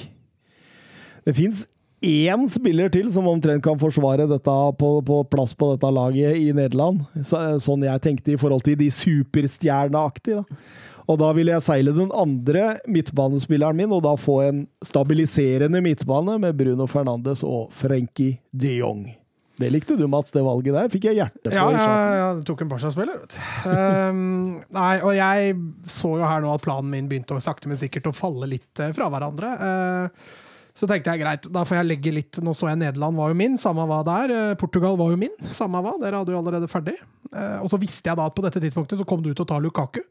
Da tenkte jeg Belgia. Den er også safe. Eh, så da tenkte jeg greit, da går jeg på en spiller som ikke tilhører de store nasjonene. Spørsmålet var hvor jeg skulle ha den. Om jeg skulle kjøre den som stopper, eller om jeg skulle kjøre den som venstre back. Jeg så jo at venstrebekken den, den kom til å bli lei. Så jeg Ja. kjørte Alaba på venstrebekken istedenfor stopperen da fra Østerrike. der. Og det syns jeg var et eh, bra valg. Ja, jeg er, jeg er litt fornøyd med det valget der, men jeg hadde håpa kunne spare han til enda en runde Ja. til. Men jeg turte ikke, for, jeg, Han lå i potten til oss begge, tror jeg. fordi Ramos, som Søren tok neste gang, var også ganske høyt på ønskelista mi der. Altså. Ja. ja, og da tok jeg selvfølgelig Sergio Ramos. Jeg hadde jo, det var ikke så mye å tenke på. Den, han passer perfekt inn i den planen jeg hadde satt opp for meg sjøl, og da blir det Ramos der. Og da tenkte jeg at vet du hva? Nå har absolutt alt av sånne premium eh, forsvarsspillere enten blitt blokkert ut ifra de landa jeg har valgt, eller eh, så, så, så, er, det ikke premium igjen liksom i de andre landa. Og så Spania er blitt så lite sexy. Ja. Det fant jeg ut nå i løpet av den her. Når du tok Ramos, så satte jeg inn og bare Hvem skal jeg ta nå? Fra Spania? Så nei, den, eh, den var litt eh, kjip. Eh, men jeg da fant ut at eh, OK Slovenia. Der finner vi ikke mye annet enn Jan Oblak. Og det er verdens beste keeper. Og, og da siler han bak det som sannsynligvis blir det dårligste forsvaret, ville gjøre at det forsvaret så litt bedre ut. Så det ble Jan Oblak. Ja, det var jo den beste keeperen å ta, så det var nok ikke et dumt valg. sånn sett. Eh, her gjør jeg min kanskje største tabbe. Eh, Panic står det synger etter. Eh, jeg hadde jo egentlig sila meg ut at eh, hvis Oblak ryker, så skulle jeg ha Donnarumma. Eh, men så går jeg altså på den blemma at jeg tenker nei, Italia, der er det så tynt at jeg ville ha Verratti eller Sanjolo. Ja. Og så av en eller annen grunn, jeg kan velge alle tre, Ja. så velger jeg Verratti.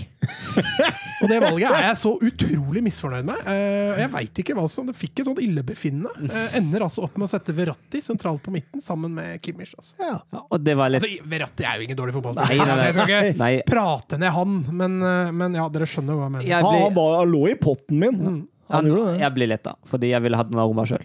Etter at Oblak ryk. Det var, var ikke så farlig for meg om jeg fikk Oblak eller Donnarumma, men jeg vil gjerne ha en av de to. Men den, tre, den tredje keeperen jeg hadde i kikkerten, var Gulashi, som du til slutt uh, endte opp med. Men jeg ble, jeg ble veldig fornøyd, uh, og da gikk jeg inn i en lengre tenkeboks, fordi da sto det mellom to engelskmenn. Og den tenkte jeg lenge på. Jeg tenkte på Sancho på kant, uh, og så tenkte jeg på Trent Alexander Arnold som, eh, som høyreback. Og det som til slutt ga utslag for Trent Alexander Arnold, var mangelen på alternativer på høyreback. Jeg så litt bedre alternativer på kant enn jeg så på høyreback, og derfor gikk jeg for Trent. Og det også, Jeg var så nære å sette Kimmich på høyrebekken nå. Ja. Men så, så tok dere både Fernandes og De Brønne. Ja. Nei, da må jeg ha Kimmich sentral. Ja. For det høyrebekken var ikke lett, altså.